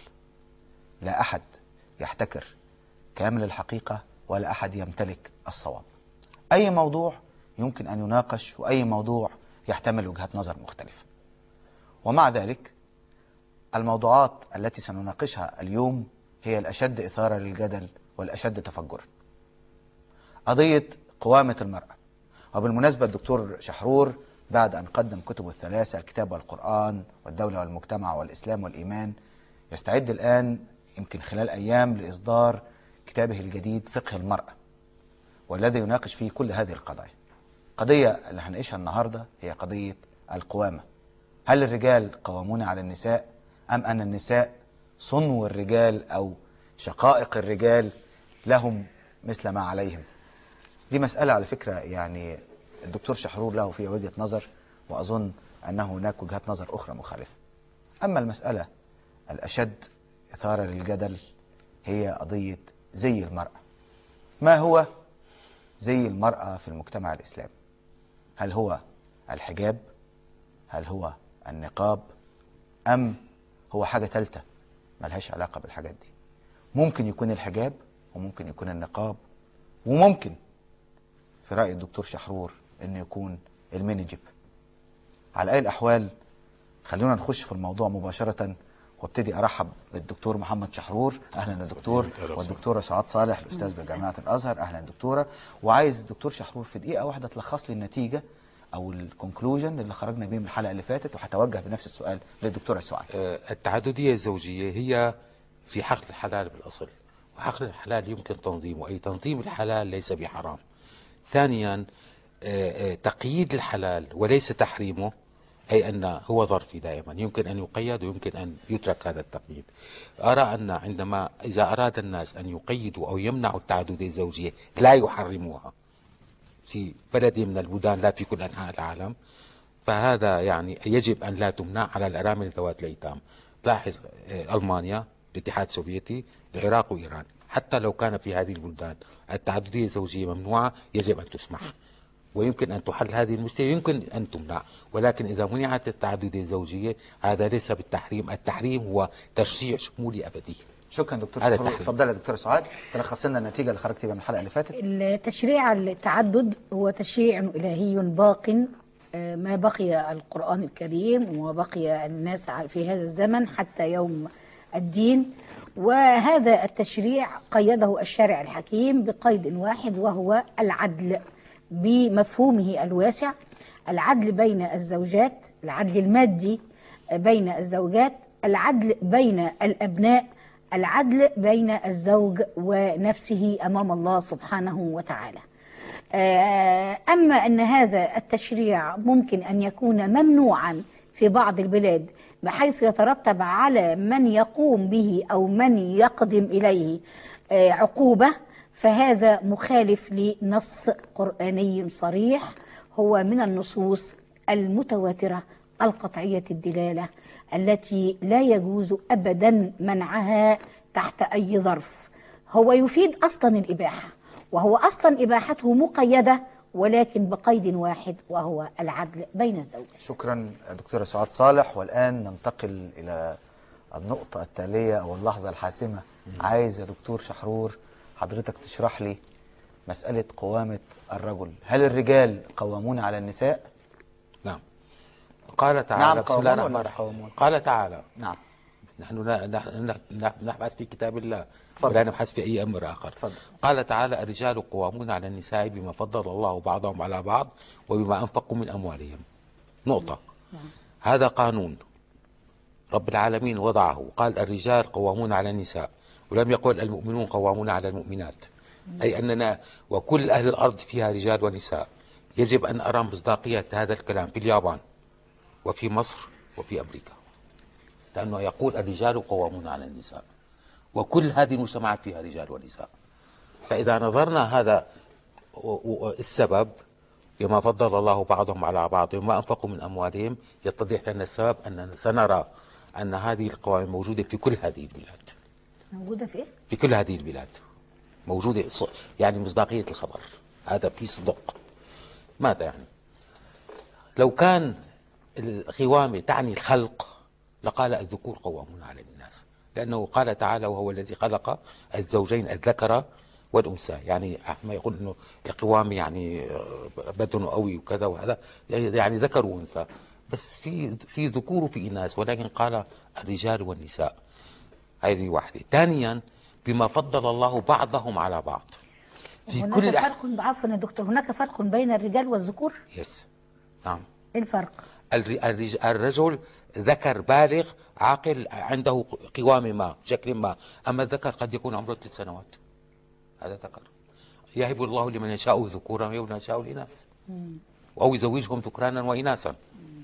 هذا هبة خلق دين. فيما فضل الله بعضهم على بعض. تاخذ كل احتمالات المنطق واللغات الكل.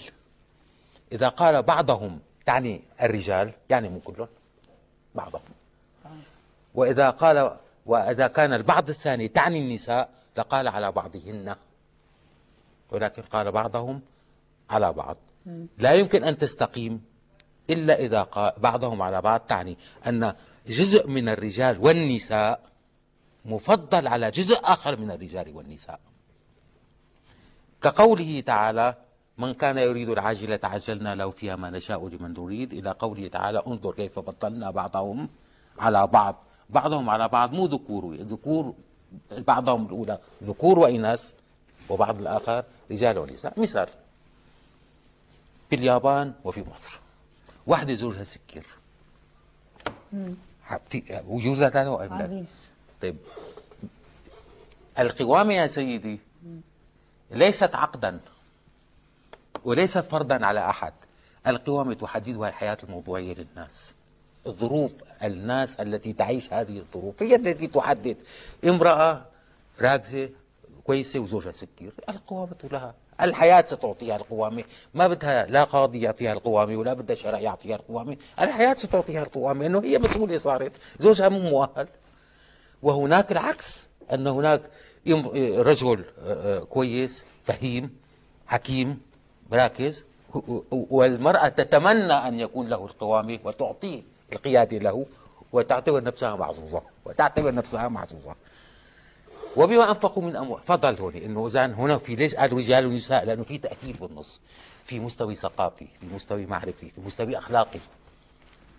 ما ما قال ذكور وإناث سويت لأنه هذا المستوى موجود عند الاثنين جزء من النساء والرجال أحسن من جزء آخر من النساء والرجال. وبما أنفقوا من أموالهم عندما قال صاحب المال له الكلمة في كل أنحاء العالم قد تجد الرجل أحمق أو امرأة حمقاء وتملك المال فتعين دكاترة في الاقتصاد وفي الإدارة وتأمرهم. ولا الكلمة. لذا فصل المال لوحده. فصل المال لوحده. أنه صاحب المال له كلمة بيستأجر وبيدفع. وهذا نراه في كل الدنيا أن من له مال ولو كان قليل الثقافة فيستأجر ويأمر.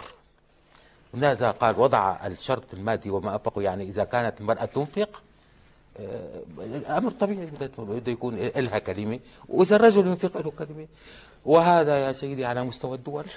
مو بس على مستوى الأفراد والدول يعني الدولة اللي بتعطي الغنية بتعطي فقيرة بتأمرها يعني شو؟ الأمونة عليها يعني يعني يعني, يعني هذا نراه في العالم. يعني هو هذه حقيقة هي أوضح من أن ينطي عليها عنزان من أن تحقق واقعة.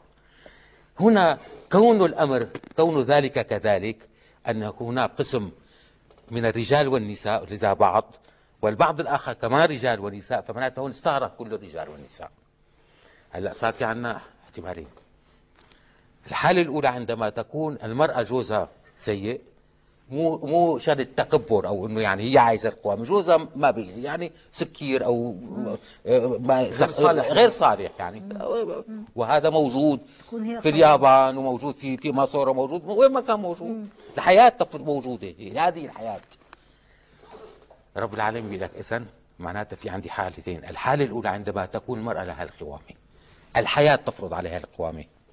مو إنه اعطوها الشرع اعطاها القوامة. لا الحياة فرضت عليها الحياة نفسها. ما هو الشرع اللي أعطاها. أي يعني قصدي الح... ب- مين فرزها يعني ركز قصدي؟ بس على الحتة دي حضرتك. إيه. يعني مش الشرع اللي أعطاها القوامة. لا, لا مو عم بيشرع آه. يعني أنا ما عم بحكي إنه ليش حتى أقول القوامة ليست عقدا. هي إنه ليس عقدا شرعيا. إنه أنت ب... إنه أنا لي القوامة ولا أنت لك القوامة. القوامة تحددها الحياة. يعني من الممكن أن تكون هناك القوامة للمرأة أو ممكن أن تكون القوامة للرجل طبقا لمقتضيات الحياة, الحياة. نفسها الحياة نفسها. وليس م... ليست عقد مو عقد. هذا اللي الفكرة وضحت كده يا دكتور؟ اكتملت؟ بس كان لا. وللسبب في عندي احتمالين. الاحتمال الأول ماذا ما هي مواصفات المرأة عندما تكون لها القوامة وجوزها غير مؤهل؟ قانتات الصالحات آه، الصالحات للقوامة. للقوامة. هذا هذا هذا عم يحكي على المرأة هون لها القوامة. الصالحات للقانتات حافظات للغيب بما حفظ الله. يعني المرأة لها القوامة تحفظ خصوصيات زوجها ما بتسرسر عليه ولا بتقول له تأهله إنه أنت مش كويس وأنت وأنت وأنت وأنت يعني هذا. لذا قال واللاتي تخافون نشوزهن. ما عم عن المرأة ليس لها قوامة وتنشوز. النشوز هو الاستعلاء والتكبر. الاستعلاء والتكبر. واللاتي تخافون نشوزهن. فعظوهن لماذا؟ لأنه بدي وقت قال الرجال قوامون على النساء. قد تكون يا سيدي التي لها القوامة أم. مو بس مو شرط بس جوزة. ممكن تكون أم. لها قوامة على أولادها. لذا قال فعظوهن يعني أول بدي بإيش؟ فعظوهن وبعدين بعدين اجى لايش؟ لا للزوجه أو و- و- و- في المضاجع. اي اي اي أنا أقول قد تكون أم. بيهجر؟ قد تكون أم. لذا قال قال فعظوهن ليش حب فعظوهن؟ آه، مين اللي بيهجر آه عرفت شلون؟ فلأنه ما ممكن الام ه- تهجرون في يعني الرسالة قال لك فعظوهن لأنه قد تكون أختك الكبيرة قد تكون أمك. واهجروهن في المضاجع الزوجي الحل الثالث واضربوهن. هنا أريد أن أؤكد على فعل ضرب أن فعل ضرب هو من أكثر الأفعال في اللغة العربية الذي معاني تأتي محمولة عليه والضرب بالمعنى الفيزيائي المباشر بيعطيه فعل خاص به. لطمة صفعة رفس صك وكذا هشة هذه أفعال مباشرة كله له معنى فيزيائية كلها. لكن ضرب محمول عليه ضرب الله مثلا للذين آمنوا يعني شو يعني ضرب مثلا؟ يعني هيك ضربك يعني. آه، آه، وإذا إذا ضربتم في الأرض يعني سافرتم وآخرون يضربون في الأرض يبتغون من فضل الله. هذا الفعل محمول عليه أنه أنه إذا كان هذه المرأة لها القوام آه، نشزت هجرتها في المضاجع يعني صارت تسرسر صارت مو مؤهلة يعني عملية مو مؤهلة. فبعد سقطت الهجر عنها القوامة يعني. آه، ما يعني لا لا سقطت أنا- أنا- ما هو ما يعني هو ما الدكتور استطاعت على فكرة دكتور. يعني بيتكلم كلام كتير أنا محتاجه إن أنا أستوعبه عشان. أرد عليه. آه اتفضلي يا دكتور. اتفضلي. يعني بم- بتستوعبي بمعنى إيه بس عشان يعني لاني طب ممكن ممكن حضرتك تناقشي نقطه نقطة في اللي اتفضل بيه الدكتور؟ آه. اتفضلي. أول نقطة. حضرتك يا دكتور بتنظر للقوامة. بالمعنى الاجتماعي العام ولا بالقوامة داخل الأسرة؟ التي تنظم العلاقة بين الزوجين. بالاثنين لا. قلت أولى لا وبعدين جيت للأسرة. آه، أنا أنا آه، عليه الآية الأسرة. القرانيه الرجال قوامون على النساء. بما فضل الله بعضهم على بعض وبما أنفقوا من أموالهم نعم. فالصالحات قانتات حافظات للغيب بما حفظ الله. نعم. واللاتي تخافون نشوزهن فعزوهن إلى آخره. هذه الآية تخص الزوجين داخل الأسرة ام تخص كل رجل وامرأة في المجتمع العام خارج الأسرة لحد و- وبما أنفقوا من أموالهم تخص المجتمع كله بعدين بدي بيت زوجي منين الكلام ده يا منين؟ دكتور؟ لا لي مثال منين؟ هلا أنا بقول لك منين؟ هلا هلا طيب. هلا لك. طب خلينا- أنت صاحبت معمل وعندك معمل فيه 6000 معمل يعني. مصنع يعني. مصنع آه. و- و- وفي 6000 شنب هناك تأمريهم. فرق أنت بين والوقا- والقوامة حضرتك حتى قلت عشان ربنا ما قالش والمؤمنون والمؤمنات آه، قال الرجال يعني والنساء قلت لك اليابان ولا أمريكا، كله حضرتك لو. سمحت لو سمحت يا دكتور في فرق بين القوامة والولاية. الولاية اللي هي المناصرة. القوامة التي مناطها الحفظ والإنفاق والحماية والذود والكفالة. هذه المناطق هذه الآية التي استشهد بها في سورة النساء. هي تفسير لقول الله تعالى في سورة البقرة. ولهن مثل الذي عليهن بالمعروف وللرجال عليهن درجة. ثم جاءت تفسير هذه الدرجة في آية النساء الرجال قوامون على النساء. إذا القوامة هنا المقصود بها درجة الرئاسة داخل الأسرة وليست القوامة بين النساء والرجال في المجتمع ككل. ومن هنا يجب أن نحصرها بين الزوجين. دي عال. حاجة. عال أعطيني مصداقية هذا الكلام في الواقع أفندم مصداقية المصداقية ما سبق الآية. ولهن مثل الذي لا، لا، عليهن مو مصداقية في الآية مصداقية في. الواقع في الواقع. لا حضرتك أنا أنا بتكلم عايز- من خلال أنا أنا مصداقية كلام الله في الواقع كريم. قرآن أنا عايز كريم. سؤال يا دكتور. هل إحنا بنحكم الواقع في في النص ولا ال- بنحكم ال- النص في لا الواقع؟ لا. ها. طول بالك. أيوة. الرب العالمين يقول الرجال قوامون على النساء. هذا يقصد في اليابان وأمريكا كمان. جاوب. هل نحن نحس نحكم النص أيوة. في الواقع ولا نعم. الواقع يجب أن الواقع أرى النص. مصداقيه النص في الواقع. نعم. يعني النص هو اللي بيتحكم في الواقع ولا الواقع اللي بيتحكم في لا النص؟ لا لا النص يطابق الواقع دائما. يتحكم في لا الواقع. لا يتحكم يطابقه. يحكم. لا أمال لماذا. جاء التشريع؟ لأنه لأنه صادق. أمال لماذا جاء التشريع؟ لأنه صادق. صادق. يبقى بيحكم. صادق عليه لأنه وقت تقول لي الرجال قوامون على النساء. بقول لك فرجيني إياها باليابان. وبين يا دكتور. طيب بين زوج خلينا وزوجه نخلص النقطة بين. زوج وزوجه معلش. زوج وزوجه به الدكتور شحرور. سؤال. أرجو إن حضرتك إما إنك يعني تقولي زوج. فيه أو إنك زوج فرجيني. إياه باليابان. ما أنا بناقش. باليابان. نيجي بقى حضرتك بالأفضلية. لا يعني اللي بيقوله الدكتور شحرور موافقة عليه ولا حضرتك؟ لا طبعا. ليه لا؟ يعني باليابان ما لازم دلوقتي يشوفوا أنا بتكلم كل رجل داخل الأسرة قوام على زوجته. باليابان. كله. إحنا معلش قلنا ليه يعني إحنا قلنا الرساله عامة يا أب- دكتور. إحنا قلنا الرساله عامة. آه. أيوه ما السبب؟ مش إحنا قلنا على. عالميه الرسالة. يعني لسه هو ما شرع. لا لسه بعدين قال لك إحنا فالصالحات قلنا دلوقتي. عالميه الرسالة. لكن من الذي يخاطب بالإسلام؟ الناس. الناس. نعم. عظيم. طيب اذا إحنا دلوقتي بنتكلم عن القوامة. في المجتمع الصغير ولا في المجتمع لا الكبير في المجتمع في المجتمع الصغير والمجتمع الكبير طيب. على الزوجة معلش في مصر وفي عالزوجين. اليابان عالزوجين إيه. عالزوجين اهو يبقى في المجتمع الصغير في والمجتمع مصر. واليابان. ال- نيجي بقى حضرتك التفضيل بقى قضية التفضيل بما فضل الله بعضهم على بعض نعم. حضرتك انطلاقا من هذه القضية بتقول إن حينما تكون المرأة أفضل من الرجل تكون قوامة وحينما يكون الرجل أفضل من المرأة يكون قوام. ماشي؟ انطلاقا من هذا. نعم. وبعدين حضرتك جبت القوامة مجزأة. في قوامة مالية وقوامة فيزيائية أو قوامة فسيولوجية فسيولوجية من حيث إيه؟ الاستعداد البدني والاستعداد العقلي. وال... والعقلي. لا سيبك من الثقافي ده. لا لا إحنا بنتكلم الاستعداد. في واحد- هو ما في س... ما في سيدات مثقفه إحنا يا بنتكلم سيدي عم بتكلم عن سيدة وزوجها سكير عارف حضرتك كلامي. عارف حضرتك بقى ما فائدة قول الله تعالى بما فضل الله به بعضهم على بعض؟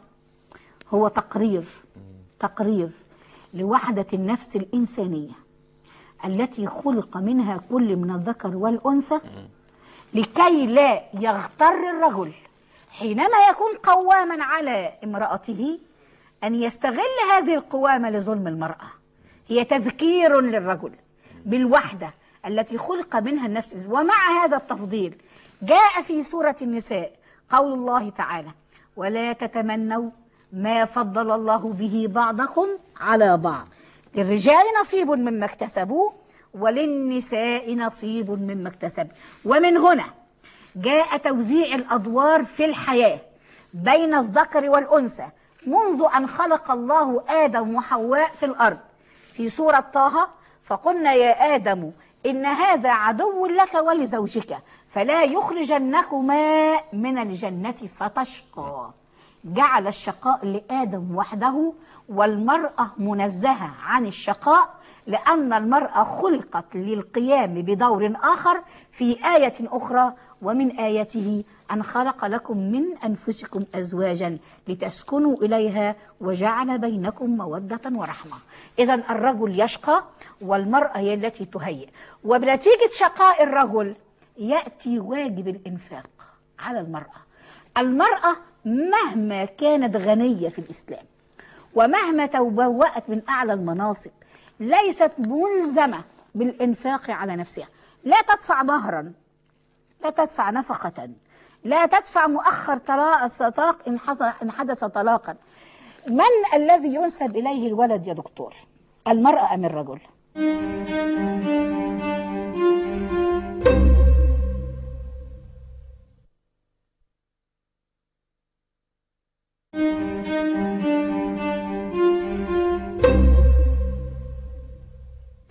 من الذي ينسب إليه الولد يا دكتور؟ المرأة أم الرجل الرجل الرجل ومن هنا كانت لماذا؟ القوامة لماذا؟ ومن هنا لماذا لماذا؟ وعلى المولود له ل- رزقهن وكسوتهن بالمعروف موضوع انثروبولوجي صار وعلى بلاش المولود بلاش له بلاش لا. الدكتور لا أنا لا. بسال أنا هنا عايز أسأل سؤال يا دكتور معلش آه. دكتور اللي اتفضلت بيه الدكتورة سعاد هي قالت إن هذا كلام ليس له أي مصداقية في واقع الدنيا السؤال الكلام اللي, اللي قالته الدكتورة طب. ممكن تقول لي ليه ملوش مصداقية وما هو البديل اللي حضرتك بتطرحه بقول لك ليش. الحياة في العالم كله أحيانا المرأة أركز من الرجل الرجل مو مؤهل سكير مفلت بيته موجود هذا. شو يعني؟ ت- انه إنه روح اقتله طيب ما أقتله. الشرع يا فندم. فهنا شرع. فهنا صار. صار لها القوام. الدكتوره بتقول إن بهذه الطريقة يكون هناك سلبا للشرع. سلب عن الش- وبعدين أنا شرع أنا؟ أعاقب السكير ده. لا. أعاقبه. أنا أعاقب السكير. أعاقب الذي لا ينفق على آيات النفقة. آيات النفقة. وردت لمن؟ وجهت لمن؟ لينفق. لينفق ذو سعة من سعته. لينفق. ما قالش لتنفق صاحب المال يا. دكتورة حتى ولو كان امرأة له الكلمة.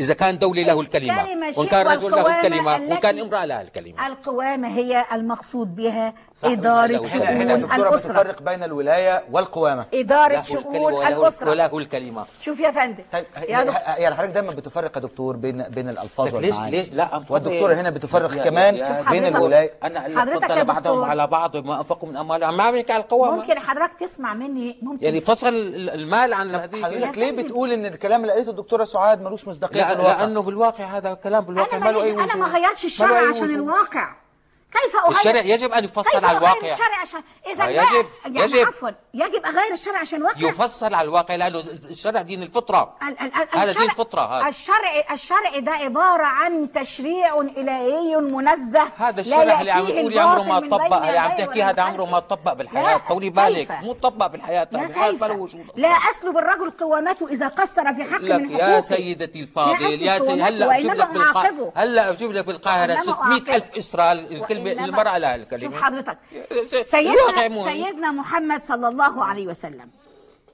حينما ذهبت إليه ابنته فاطمة تشتكي من عمل المنزل. ماذا ماذا فعل؟ عليه الصلاة والسلام. وزع أعباء أو وزع التبعات بين علي وبين فاطمة. جعل العمل في الداخل أمر فاطمة بخدمة البيت. وأمر عليا بما كان في خارجه. بما كان في الخارج. إذا هو ده عشان علي هو الذي سينفق على البيت وهو القوام على البيت. ومن هنا قوله آه، يجي الشيخ رشيد رضا بيقول لك في تفسير الآية وللرجال عليهن درجة فهو يوجب على المرأة شيئا وعلى الرجال أشياء. ذلك أن هذه الدرجة هي الرياسة والقيامة والقيام على المصالح المفسرة بقوله تعالى الرجال قوامون على النساء بما فضل الله بعضهم على بعض وبما أنفقوا من أموالهم أي أن من شأنهم من شأن الرجال المعروف المعهود القيام على النساء بالحماية والرعاية والولاية والكفاية. ومن لوازم ذلك أن يفرض عليهم الجهاد وغير ذلك من التشريعات التي كلف بها الرجل وأسقطت عن المرأة. نيجي بقى لفالصالحات قانتات. حضرتك بتقول إن هذه الآية فيها وصف للمرأة القوامة. نعم. عظيم. هذه الآية هي وصف لكل امرأة طبيعية علاقتها طبيعية مع زوجها. الله سبحانه وتعالى حينما بين لنا آية القوامة جعل النساء صنفين أمام هذه القوامة أمام هذا الحق. ولأنه يعرف أن النفس الإنسانية ونفس المرأة ستتمرد أحيانا أمام هذه الرئاسة من الرجل وأمام هذه ال- ال- ال- ال- التوجيه من الرجل صن جعل النساء صنف الأول قال فيه فالصالحات قانتات حافظات للغيب بما حفظ الله دي خلاص ليس للزوج عليه؟ صالحات لإيش؟ صالحات في بيتها صالحات مطيعة لزوجها مطيعة لله سبحانه وتعالى يا سيدتي تحفظ هذا زوجها في خذي غيبها النسق الآية وهذه الآية تتكلم عن القوام فقط لا قوامة خلينا نسمع يعني خلينا صالحات- نسمع- خلينا ما هي يا دكتور. أمام. دكتور. يا يا النساء دكتور. أمام دكتور. دكتور. خلينا نسمع رأي الدكتور يا شحرور. سيدتي اتفضل يا دكتور عندما تكلم رب العالمين عن مرأة زكريا قال له وأصلحنا له زوجها يعني هل كانت هل كانت فاجر فأصبحت متقية أم لا. كانت عاقر فأصبحت ولود فندم. أصبحت ما هو- ولود. ما إحنا فقال لك الصالحات أو بيقول لك القوامة. فالصالحات. للقوامة. لك لا لا إيه؟ لا لا لا لا. الله- الصالحات مطلقا. ما أنا بقول لحضرتك ربنا سبحانه يعني وتعالى يعني مقيمي لا، الصلاة. ده عم يحكي. عن شيء. وهو القوامة. امام أمام القوامة. أمام المرأة هذا أمام الكلام لا ليس له مصداقية في إشمعنى الواقع كلام حضرتك اللي ليه مصداقية لا لما؟ هنربط في الواقع الواقع في لا سيدتي بالواقع في حالتين ما في عروض لا يا يا سيدي. المرأة إلى الكلمة يا الرجال الله إلى سبحانه الكلمة وتعالى الواقع. قسم النساء أمام القوامة إلى صنفين الصنف الأول قال فيه يا أيها الرجل ليس عليك فيه شيء لأنها مرأة صالحة قانتة مطيعة يبقى اما الاخرى بقى الاخرى اللي هتتمرد أمام القوامة أمام قوامة الرجل. هي دي اللي واللاتي تخافون نشوزهن. وهنا لك دي مغلوبة على الخطاب أمرها بتكون. لسه بتقولي. دكتور. بيقول إنها مغلوبة على دي أمرها مغلوبة على يعني دي دي مغلوبة على ناشز، أمرها. دي ناشز. يا دكتور والتي تخافون ناشز ولا مغلوبة نشوزهن على أمرها؟ دكتور؟ يعني إزاي تكون مغلوبة على أمرها وتكون ناشز؟ أنا مش أعرفش. عارف مغلوبة. هو الاستعلاء والتكبر.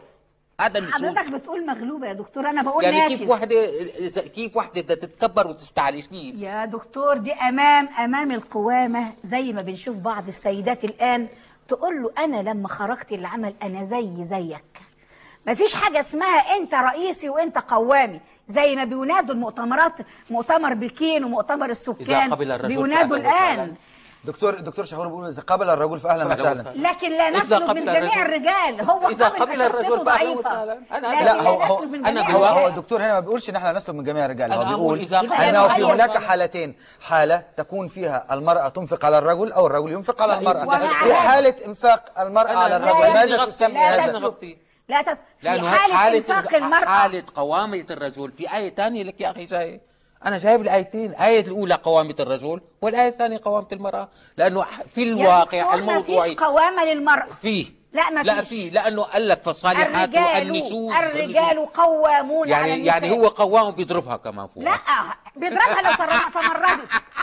ما أيوه هي ما لهاش ق- ما لهاش حاجة حتى تمردت. تتمرد. يا دكتور دلوقتي بدل ما يقول طلقها ربنا جعل علاج هذه على الناشز يعني. لل- اللاتي والتي تخافون نشوزن الخطاب هنا لمن؟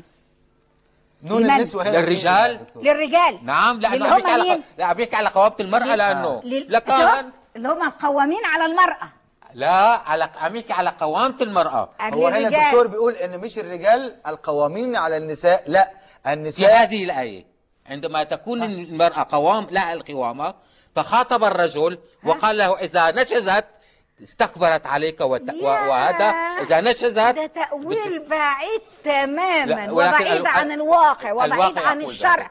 يا الواقع. دكتور هذه الآية واللاتي تخافون نشوزهن جيبي لي حالة واحدة بالحياة هذا يا. دكتور من فضلك علاج موكل للرجل داخل الأسرة لعلاج زوجته في حالة النشوز لا، النشوز يعني عملت إيه يعني؟ بدليل. واهجرهن في المضاجع. حضرتك بتساوي العلاج بين المرأة وبين الرجل حتى في حالة الضرب.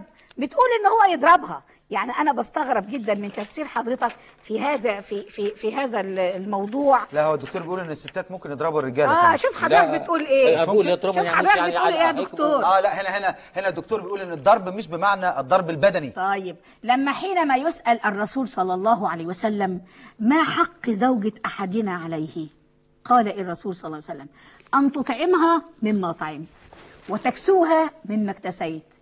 ولا تقبح ولا تضرب الوجه ولا تهجر إلا في البيت. ده كلام الرسول. وبعدين الرسول صلى الله عليه وسلم قال ضربا خفيفا غير مبرح.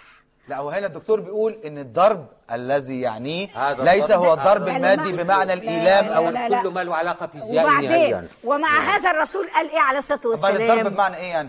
لك يا رجل ضرب الشيء انت بتشوف أنا الآن. لا أنا, طول أنا, أنا لا. أتكلم عن التفاسير عموما يا دكتور. أنا بتكلم عن التفسير في هذه الآية تحديدا. موقع الضرب هنا. ما هو الضرب؟ بالأفلام المصرية تشوفوه كل يوم عشر مرات. كل يوم تشوفوه بعينك. ضرب.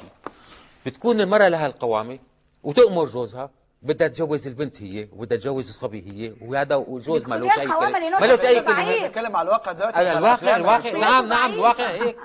شوفي الا بعدين جوزها؟ شخصيته شوفي الا ضعيفة. شوفي الا جوزها بعدين؟ بي- بي- بيزهق منها بيقول لها أنت تخرسي خالص. فوتي لجوا. وضربها على يديها. يعني تاخذ منها موقف. يضربوا على ايديها؟ ضرب على ضرب على قوامتها مو ضرب على ايديها كده. يا دكتور يا يعني دكتور اضربوا- ربنا. اضربوا ربنا يا يعني. دكتور يا طب وهي دكتور. هتستجيب الشخصيه القوية التي تنفق التي مش عارف ليه إيه؟ ليه لها بس ما تعمليش كده؟ فحد لا، لا. يعني هتستجيب تقول له حاضر يا سي السيد يا دكتور. لا، يا طول بالك مو هيك دكتور. أنت ليش؟ أنت عم عم تفهمها بالعكس. يا- عندما بتكون هي القوامة معناتها هي عندها إمكانيات أكثر وهي اللي تضرب. بس.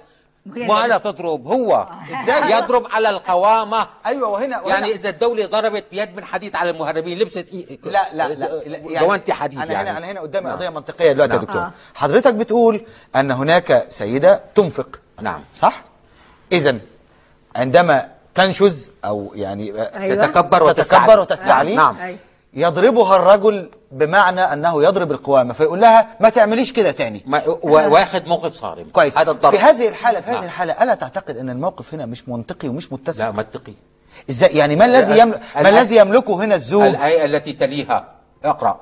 الآية الآية التي هذا تليها يقول لك يا. قول لي يا دكتور. هذا.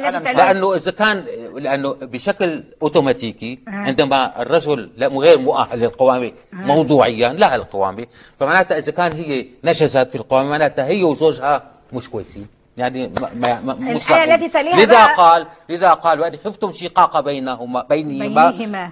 فابعثوا حكما من اهله يعني اثنين طلعوا برا يا دكتور. وحكما من يا دكتور؟ يا يعني دكتور يا دكتور. يا أستاذ جمال أنت اديت للدكتور بصراحة أكتر ما- يعني اديني فرصة يا فندم أنا. الفرصه كلها مع حضرتك لا حضرتك دلوقتي ال- الدكتور يعني عشان يثبت صحة كلامه عمال بيتغلغل في آيات لا علاقة لها إطلاقا بالموضوع اللي معانا. لا علاقة شوف حضرتك برأيكم. موضوع واللاتي تخافون نشوزهن هذا علاج أعطاه الله سبحانه وتعالى للزوج داخل أسوار البيت عندما تكون للمرأة داخل. أسوار البيت وبالتالي بدأ بمخاطبة العقل عن طريق فعظهن ثم عند الفشل يأتي مخاطبة العاطفة عن طريق وهجرهن في المضاجع هجرا مقيدا بمكان معين. ثم إذا فشلت العاطفة أو خطاب العاطفة يأتي الضرب.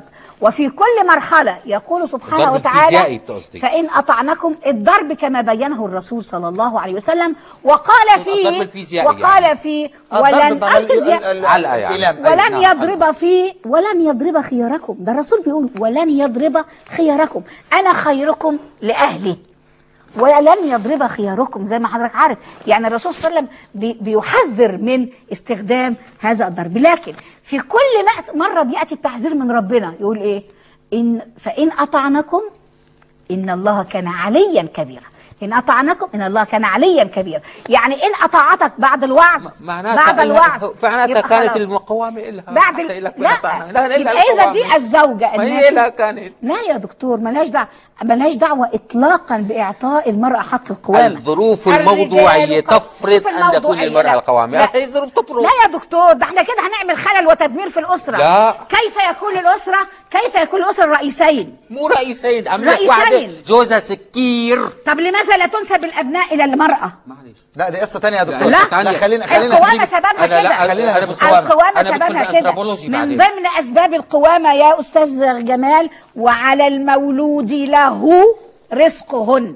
وعلى المولود له رزقهن وكسوتهن بالمعروف. يا دكتور- اللي هي النفقة يا اللي هي وبما أنفقوا. نسب بما نسب نسب نسب الأولاد للأب لأنه أول ما بدأ المجتمع الإنساني وانفصل عن المملكة الحيوانية بدأ ب- بمجتمع الأمومة كان الأم معروفة وكان الذين ينكحون عدد كبير جدا ولا مفهوم واضحة ثم مفهوم. نسب إلى الأب هذا تقدم صار مفهوم يا دكتور يعني يعني اذا هي- إذا إحنا دلوقتي قدام واضح إن إحنا قدام يعني آه، موقف حضرتك بتقولي أن الرجال قوامون على النساء وأن مطلقاً. الضرب ومطلقا وان الضرب مطلقاً. هنا هو الضرب ال الذي حدد آه، طبقا لما تفضلت به في حديث الرسول عليه الصلاة والسلام الدكتور محمد شحرور يرى أن القوامة قد تكون للرجل وقد تكون للمرأة وأن الضرب ليس معناه قوامة الرجل الآن سأشرحها أنه طب ممكن باختصار عشان. ننتقل للنقطة التالية وهي مسألة- وإن امرأة خافت من بعلها نشوزا أو إعراضا.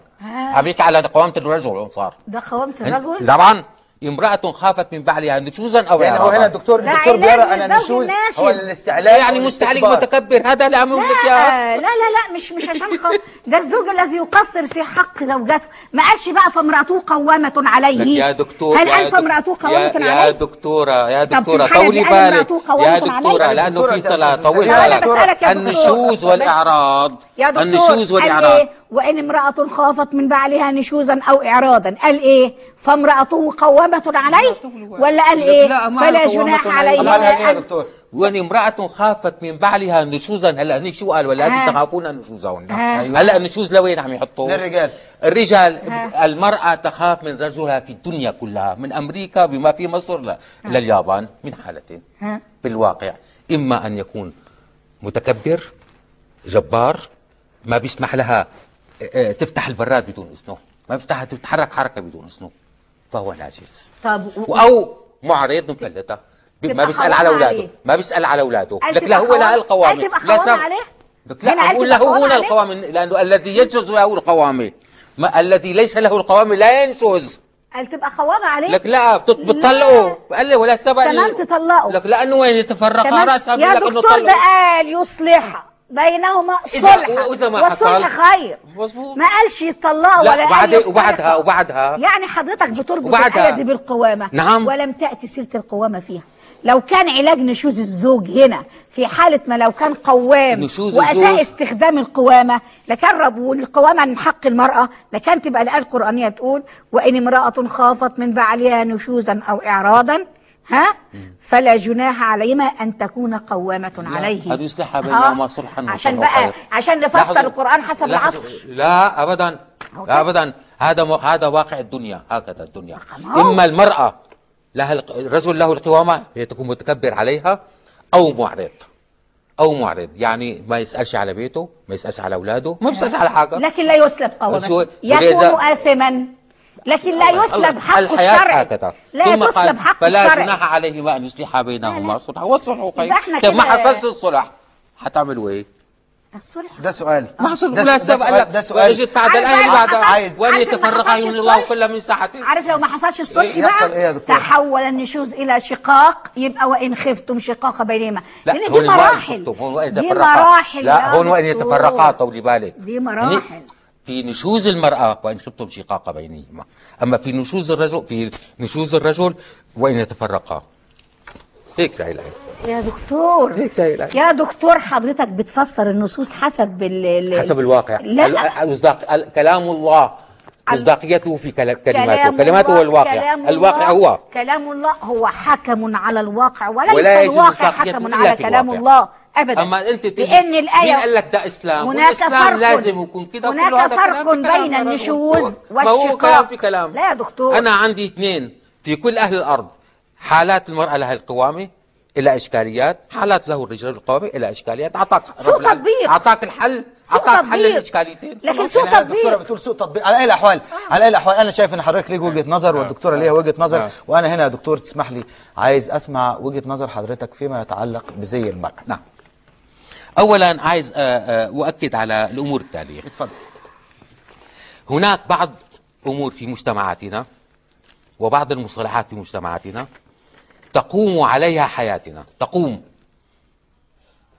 وهي مصطلحات فصحى عربية. خمسه ليس لها وجود في كتاب الله البتة. العرض ليس له وجود في كتاب الله. إنه كلمة عرض مو موجودة. والنخوة والمروءة والشرف والشهامة. تحلي كتاب الله وطالع لي اياهم مو موجودين.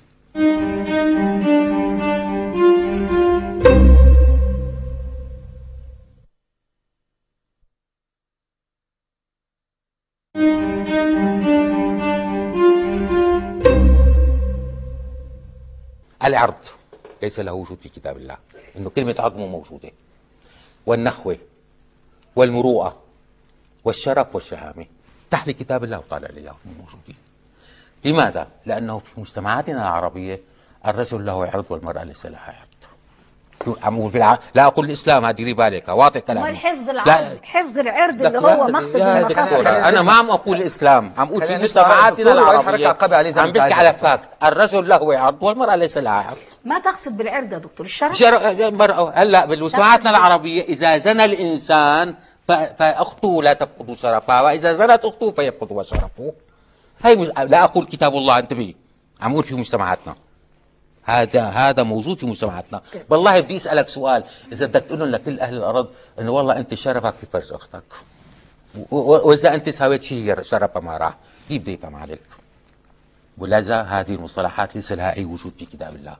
وقهرت وقهرت الإسلام لليوم.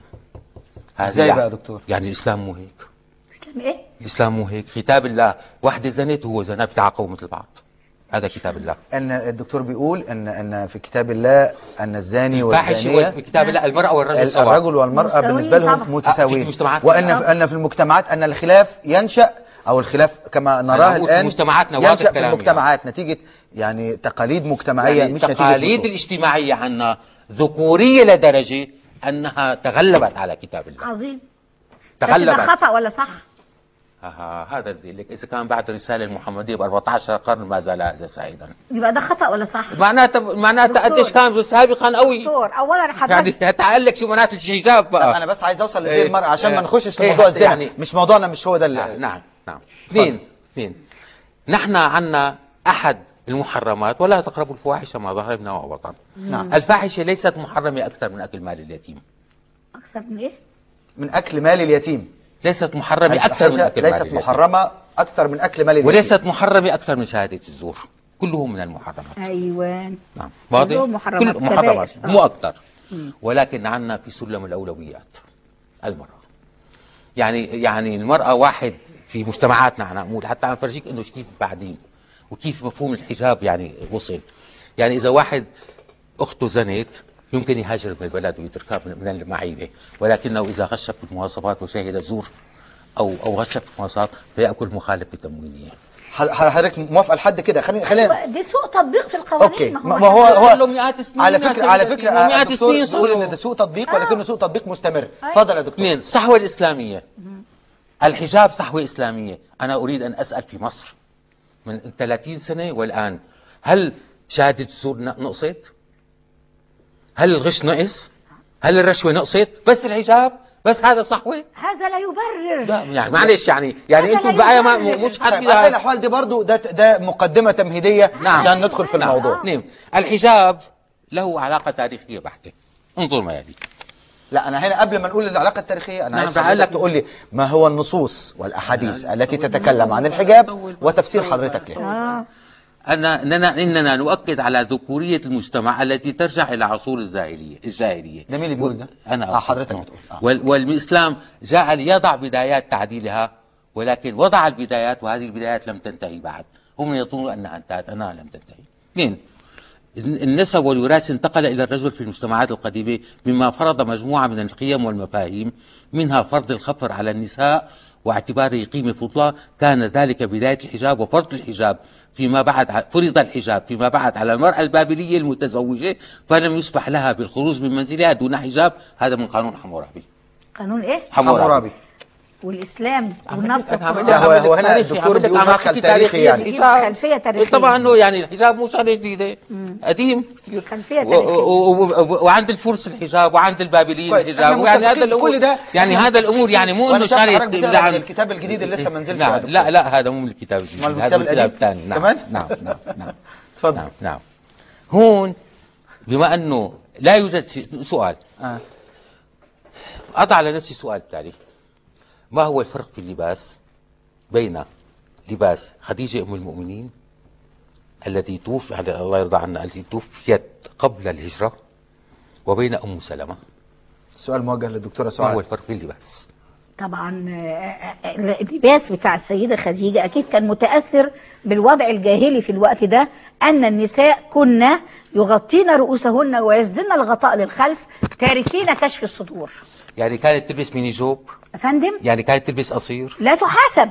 لك نعمل لك ما أعمل لك. يكن أنا ما بدي حاسبها لك يا لم. لا تحاسب. يعني ما هو لباس قبل دلوقتي التشريع بيسأل الدكتور. شحرور ما هو لباس الحرب. هل بيسأل- المرأة العربية عارية؟ كان لباسها متأثرا بما كان الوضع عليه الرد واضح الجاهلي الرد يعني مو عارية كانت. لا. اثنين نحن بناخذ الوضع الاجتماعي والوضع ال- الإنتاجي.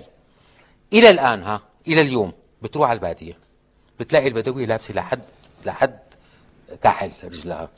لأن إلى الان إلى الآن في القرن نهاية القرن العشرين البدويه لا تلبس لباس داخلي. أيوة ده شيء السروال هم ما. يلبسوش. طيب يعني ده موضوع على كل لا وهذا مما يضطرها أن تلبس آه، آه، آه، جلباب يضطرها. أوكي. يعني حتى أجيب لك منين اجى هذا؟ موافقين. العربية كانت تضع خمارا قبل قبل البعثة. وتلبس جلباب طويل. ولكن كانت صدرها. صدرها تكفو عظيم. كان يبين صدرها. عظيم. فعندما والمرأة العربية ضحكت على كل الفقهاء هي ضحكت عليه بفطرتها السليمة. لأنه المرأة العربية أصلا لابسة جلابية وحاطة على رأسها ومغطية. لابسة هذا. طيب شو بدها تغطي مرة ثانية؟ ف... وعندما قالت ف... وليضربن بجيوبهن ونظرت فنظرت أن الجيوب هي الصدر. ف... فقال الفقهاء أن نجيب أي سطر قلت له لك يا عمي لأنه هي كانت مكشوفة. لو كانت لابسة لابسة كذا كانت لبست أطول. الآن أريد أن أسأل الدكتورة أريد. أن أسأل الدكتورة. قال في ثلاث آيات. رب العالمين يقول لموسى أدخل يدك في جيبك. اسلك يدك في جيبك. اضمم يدك إلى جناحك. ماذا فعل موسى؟ هم في جيبها. انتبهي إيه ماذا فعل؟ ماذا فعل؟ أنا عم بسألك صلة ماذا فعل إيه؟ صلة ده بال- بزي المرأة؟ لك جيب ما عم أقول جيوب طب هاي جيب قال له دكتور، جيبك في إطلاق لغة وفي إطلاق شرع لك يا س... لا لا لا لا. هذا هذا أنتم اخترعتوه طولي بالك. شو ما أنتم هو اخترعتوه. ما لا قلت لكم؟ المرأة العربية ضحكت عليكم ما هو ضحكت عليكم؟ المرأة العربية ضحكت, علينا وضحكت على ربنا لا ضحكت عليكم ليه ضحكت على ربنا ضحكت على ربنا. لأن ربنا هو اللي قال وليضربن بخمرهن على جيوبهن المرأة العربية مغطية تحت باطتها في مرة ثانية يعني يبقى رب ضحكت على ربنا. بدك ما ضحكت عليه لأنه كده. كان مكشوف. إذا واحد قال لك تلبس وأنت لابس تلبس مرة ثانية يعني أنا مش فاهم يا دكتور حضرتك عايز توصل لإيه. أنا عايز أوصل إنه المرأة العربية كانت لابسة. كويس. كانت مغطاة الجيوب. كويس. ولكن في جيب واحد مو مغطى غطته. هي. كل الشغله. خلاص اذا ما هو الخلاف هنا؟ الخلاف. خلاف انهن ظنوا أن الجيوب يعني الصدر. أنا أقول لا جيوب لا يعني مو الصدر. أوسع من الصدر. أوسع. عظيم. يجب تغطيتها. الباط. يجب تغطيتها ولا لا؟ نعم. يجب تغطيتها هي ولا لا؟ أربعة فقط. اللي هم تحت الإبط. تحت الإبط. ها. والصدر و- و- و- والفرج والاليتين هذه الجيوب لماذا بقى. خصصت خصصت أربع مواضع للجيوب؟ نعم. لأن لماذا؟ لأنها واللفظ عام. لأنها مخفية. ال- الوجه الوجه ظاهر. الفم فم جيب ظاهر. أما الوحدة ما بتمشي بقى أنا أقول على الوجه. بقى أنا أقول. على الرأس جايب وعلى اليد جايب وعلى الرجل. لا مو على الجيب أقول وعلى- المرأة لا تمشي رافعة الرجال بتمشي هيك. يعني يعني تحت الإبط مغطى لا سبق لك ولا طب افرض على مش ولا. بدي ما بدي افرض لأنه المرأة ما لابسة واحدة لابسة مايو يا دكتور. آه. ها. لازم تغطي أقول لها إيه. دي بقى. لازم تغطي تحت إبطها ها؟ تغطي تحت إبطها بس. نعم. لكن أما بقى شعرها لا وأما الشعر ليس له نحرها علاقة إطلاقا. لا وأما الشعر نهائيا. نحرها نهائيا لا ولا نحرها ولا حاجة. كله هذا بتشيلي يا دكتور. كله بتشيلي هذا كل... هذا لباس العرب. الله طب يخليكي. الصينية في نساء الأرض 3 مليارات امرأة. ما لهم مجبورين يلبسوا مثل نساء ربيعة ومضر والأوس الخزرج حتى تفوتين على الجنة. ما لهم مجبورين. يا دكتور. ما لهم مجبورين. بس. مجبورين يلبسوا لباس محتشم وما يتقوا ما هو. معنى الاحتشام يا دكتور؟ مع... معنى اجتماعي.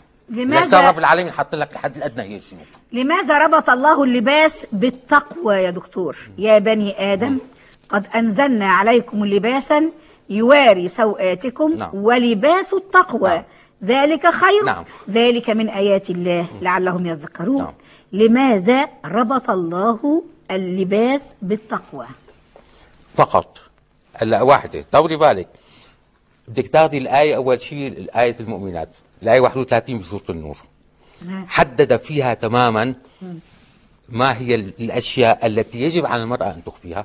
بال- بال- بالاسم. إلا ما هلا إذا ظهر أخفت منها. إلا ما ظهر آه ظهر منها الر- الوجه ظاهر ولا مخفي؟ أيوة. والرأس؟ أنا معاك. ظاهر مخفي؟ لا بس الرأس والبطن عندي دليل ظاهر. يا لا الرأس. عندي وليضربن بخمرهن يا دكتورة. لا ما أنا ما لك يا دكتورة. عمر. بن الخطاب ضرب الأمة لأنها تغطت. ضربها. عشان أنت- تميز عن الحر عشان الحرة تميز عن الأمة. لأنه الأمة مو مرة. لأنه. لأنه وحدة سويدية شقراء حوراء. لا، لا لا. لا تفتن. لا لا لا. هندخل في قضية و- الرق يا وحرة دكتور.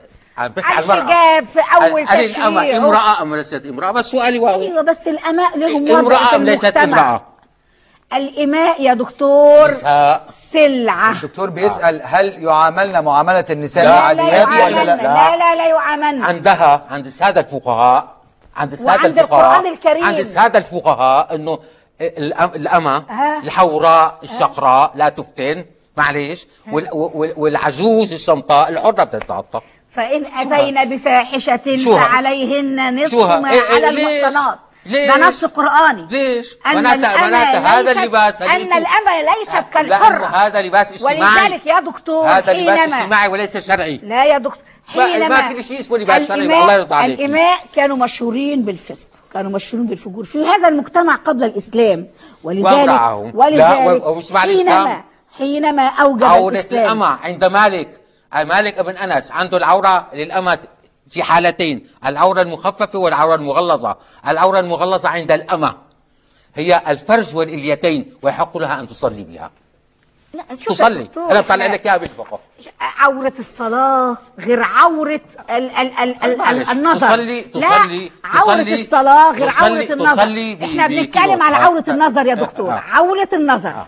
ما يحل ما للرجل هو عورة الأمة؟ عورة الأمة أمام الناس ما يحل. شوف بيدخل الأمة؟ إيه، ما لك يحل أمرأة للرجل لك يا 14 دكتور. قرن ضلت أين. الإماء الآن يا دكتور؟ أين الإماء الآن؟ أين الإماء أين الإماء الآن؟ لأنه الإسلام هذا لم- لأنه مناقشاتكم فاسدة. هذا فاسد الكلام. الإسلام لم ينشئ نظام لسه على إنه هلا. بيقول لي المرأة تتحجب كي لا تفتن لك يا ابني 14 قرن. الأمة ماشية بالعطاء. شو تفتن وما تفتن؟ شو ليش يعني عم تحكوا؟ ماشية لكن غلط لا يا والفقه دكتور. والفقه وافقها. الخطأ لا يفسر والفقه الخطأ. والفقه وافقها. الفقه وافقها. نعم. نعم الفقه قال إلا لا، ما الفقه ظهر على منها المذاهب الأربعة إلا عم ظهر. على لباس الأمة. الفقه على المذاهب الأربعة شو بتقريبا لباس الأمة؟ لك يوجد 14 أمة. قرن لا يوجد دلوقتي؟ لا يوجد يا دكتور لباس يوجد نساء ولا لا؟ لا يوجد لا يا دكتور لباس المرأة لباس اجتماعي أنا عايز أسأل سؤال هنا يا دكتوره هل- هل هناك- هل اجتماعي هناك وليس تفرقة- شرعي. هل هناك تفرقة بين المرأة الحرة والمرأة الأمة في بعض لباس نعم. وهل هناك دلوقتي دلوقتي لا هل في الآن. طيب اذا هنا الكلام لما. بنقول النساء بنتكلم عن النساء يا عموما. دكتور يا أستاذ عماد بالظبط. انت انت أنت الآن. تشحب في حقي؟ أريد أن أقول أن اللباس اجتماعي وطبقي وليس ديني يا دكتور. أيوه يا دكتور بس اجتماعي اجتماعي أيوة يا اجتماعي. دكتور منين حضرتك؟ عشان بس لأنه لأنه هناك اما مسلمة وحرة مسلمة كلاهما. القرآن؟ كيف يا دكتور؟ ليس ديني. وربنا سبحانه بتسأل, بتقول بتسال سؤال منطقي. النص وليضربن؟ بخمرهن على جيوبهن ولا يبدين زينتهن إلا ما ظهر منها. ولا يبدين أخذت كل الفقه الإسلامي السني. والشيعي كله. بس بدي أشوف إنه في حد قال إنه أخي أما امرأة امرأة. عم بيحكي إنه اسمها امرأة هي. إنه تتغطى وتلبس و- و- ويضربن بخمورهن ولا واحد قال. الله. ولا لك عمر بن الخطاب ضرب بيقول لك للأمة الواقع وبيفصلوا عن النصوص. نحن ليس حجة لك علينا يا هذا دكتور. لا، الواقع. ليس حجة. آه معناتها كل كلام الفقهاء لا بالخوامه لا تجيبي لي كلام الفقهاء لا، حجتنا لا الفقهاء- تجيبي لي كلام الفقهاء الله يرضى عليك. يستنبطون كلامهم الله يرضى- من النص يا دكتور. الله يرضى عليك. قال أنا لا. استمرت كلامي من النص. هنا هنا هنا يا دكتور معلش عشان الوقت انتهى للأسف. آه آه عايز حضرتك تلخص لي وجهة نظر حضرتك في قضية الحجاب نساء العالم. وهسال نفس السؤال نساء. العالم. غير ملتزمات بتقليد نساء ربيعة ومضر. والاوس والخزرج ليفوتوا على الجنه اسمح لي. اللباس أيوه. ليس من من أركان الإسلام العشر ولا الخمسين ولا المئة وليس من أركان الإيمان. هو اللباس اجتماعي عرفي نساء حوران المسيحيات والمؤمنان يلبسن نفس اللباس. وبالتالي ال ال على ما في النساء شيء اسمه لباس امرأة. ما في شيء اسمه لباس زي ما هم عايزين. نعم. شكرا دكتور. اتفضلي يا دكتورة سعاد لباس لباس المرأة المسلمة في لباس إسلامي. لو سمحت إحنا إحنا حتى. الحجاب. لباس المرأة المسلمة. ما يجب أن تلبسه المرأة المسلمة إذا كانت بالغة عاقلة هو أن يكون مغطي جميع جسمها ما عدا الوجه والكفين. استنادا إلى قوله صلى الله تعالى إلا ما ظهر منها. وليضربن بخمرهن على جيوبهن والآية ولا يبدين زينتهن إلا ما ظهر منها. وهذه النصوص نصوص قطعية. كما قال الله سبحانه وتعالى وأقيموا الصلاة وآتوا الزكاة قال وليضربن بخمرهن على جيوبهن نعم. والأمر يفيد الوجوب. والنهي يفيد التحريم. وضربوا بخمورهن ولكن على- معنى- وكل وكل أهل الأرض يضربن بخمورهن على مسلم لا الجيب الجيب يا. دكتور الجيوب اللي بتخبط فيها تحت الطين والصدر وال وال والفرج والإليتين وبس. طيب. تسمح عشان لي؟ الوقت عشان الوقت يا في دكتور وقت في أحاديث كنت عايزة أقولها أنا متأسف بس عشان الوقت. على اي الاحوال واضح إن وجهة نظر حضرتك واضحة فيما يتعلق بالزي الإسلامي ووجهة نظر الدكتور شحرور أنه ليس هناك شيء اسمه زي ولكن فقط هو آه،. تغطيه تغطية أعراف. الجيوب والباقي أعراف. والحرام هو الزنا. والحرام هو الزنا. والحشمة مطلوبة. والحشمه شكرا يا دكتور شحرور. وحدود الحشمة إيه؟ لا المجتمع بيحطها شكرا دكتورة سعاد. صالح شكرا للدكتورة والعقل سعاد. صالح وشكرا للدكتور محمد شحرور وإلى اللقاء في حلقة قادمة إن شاء الله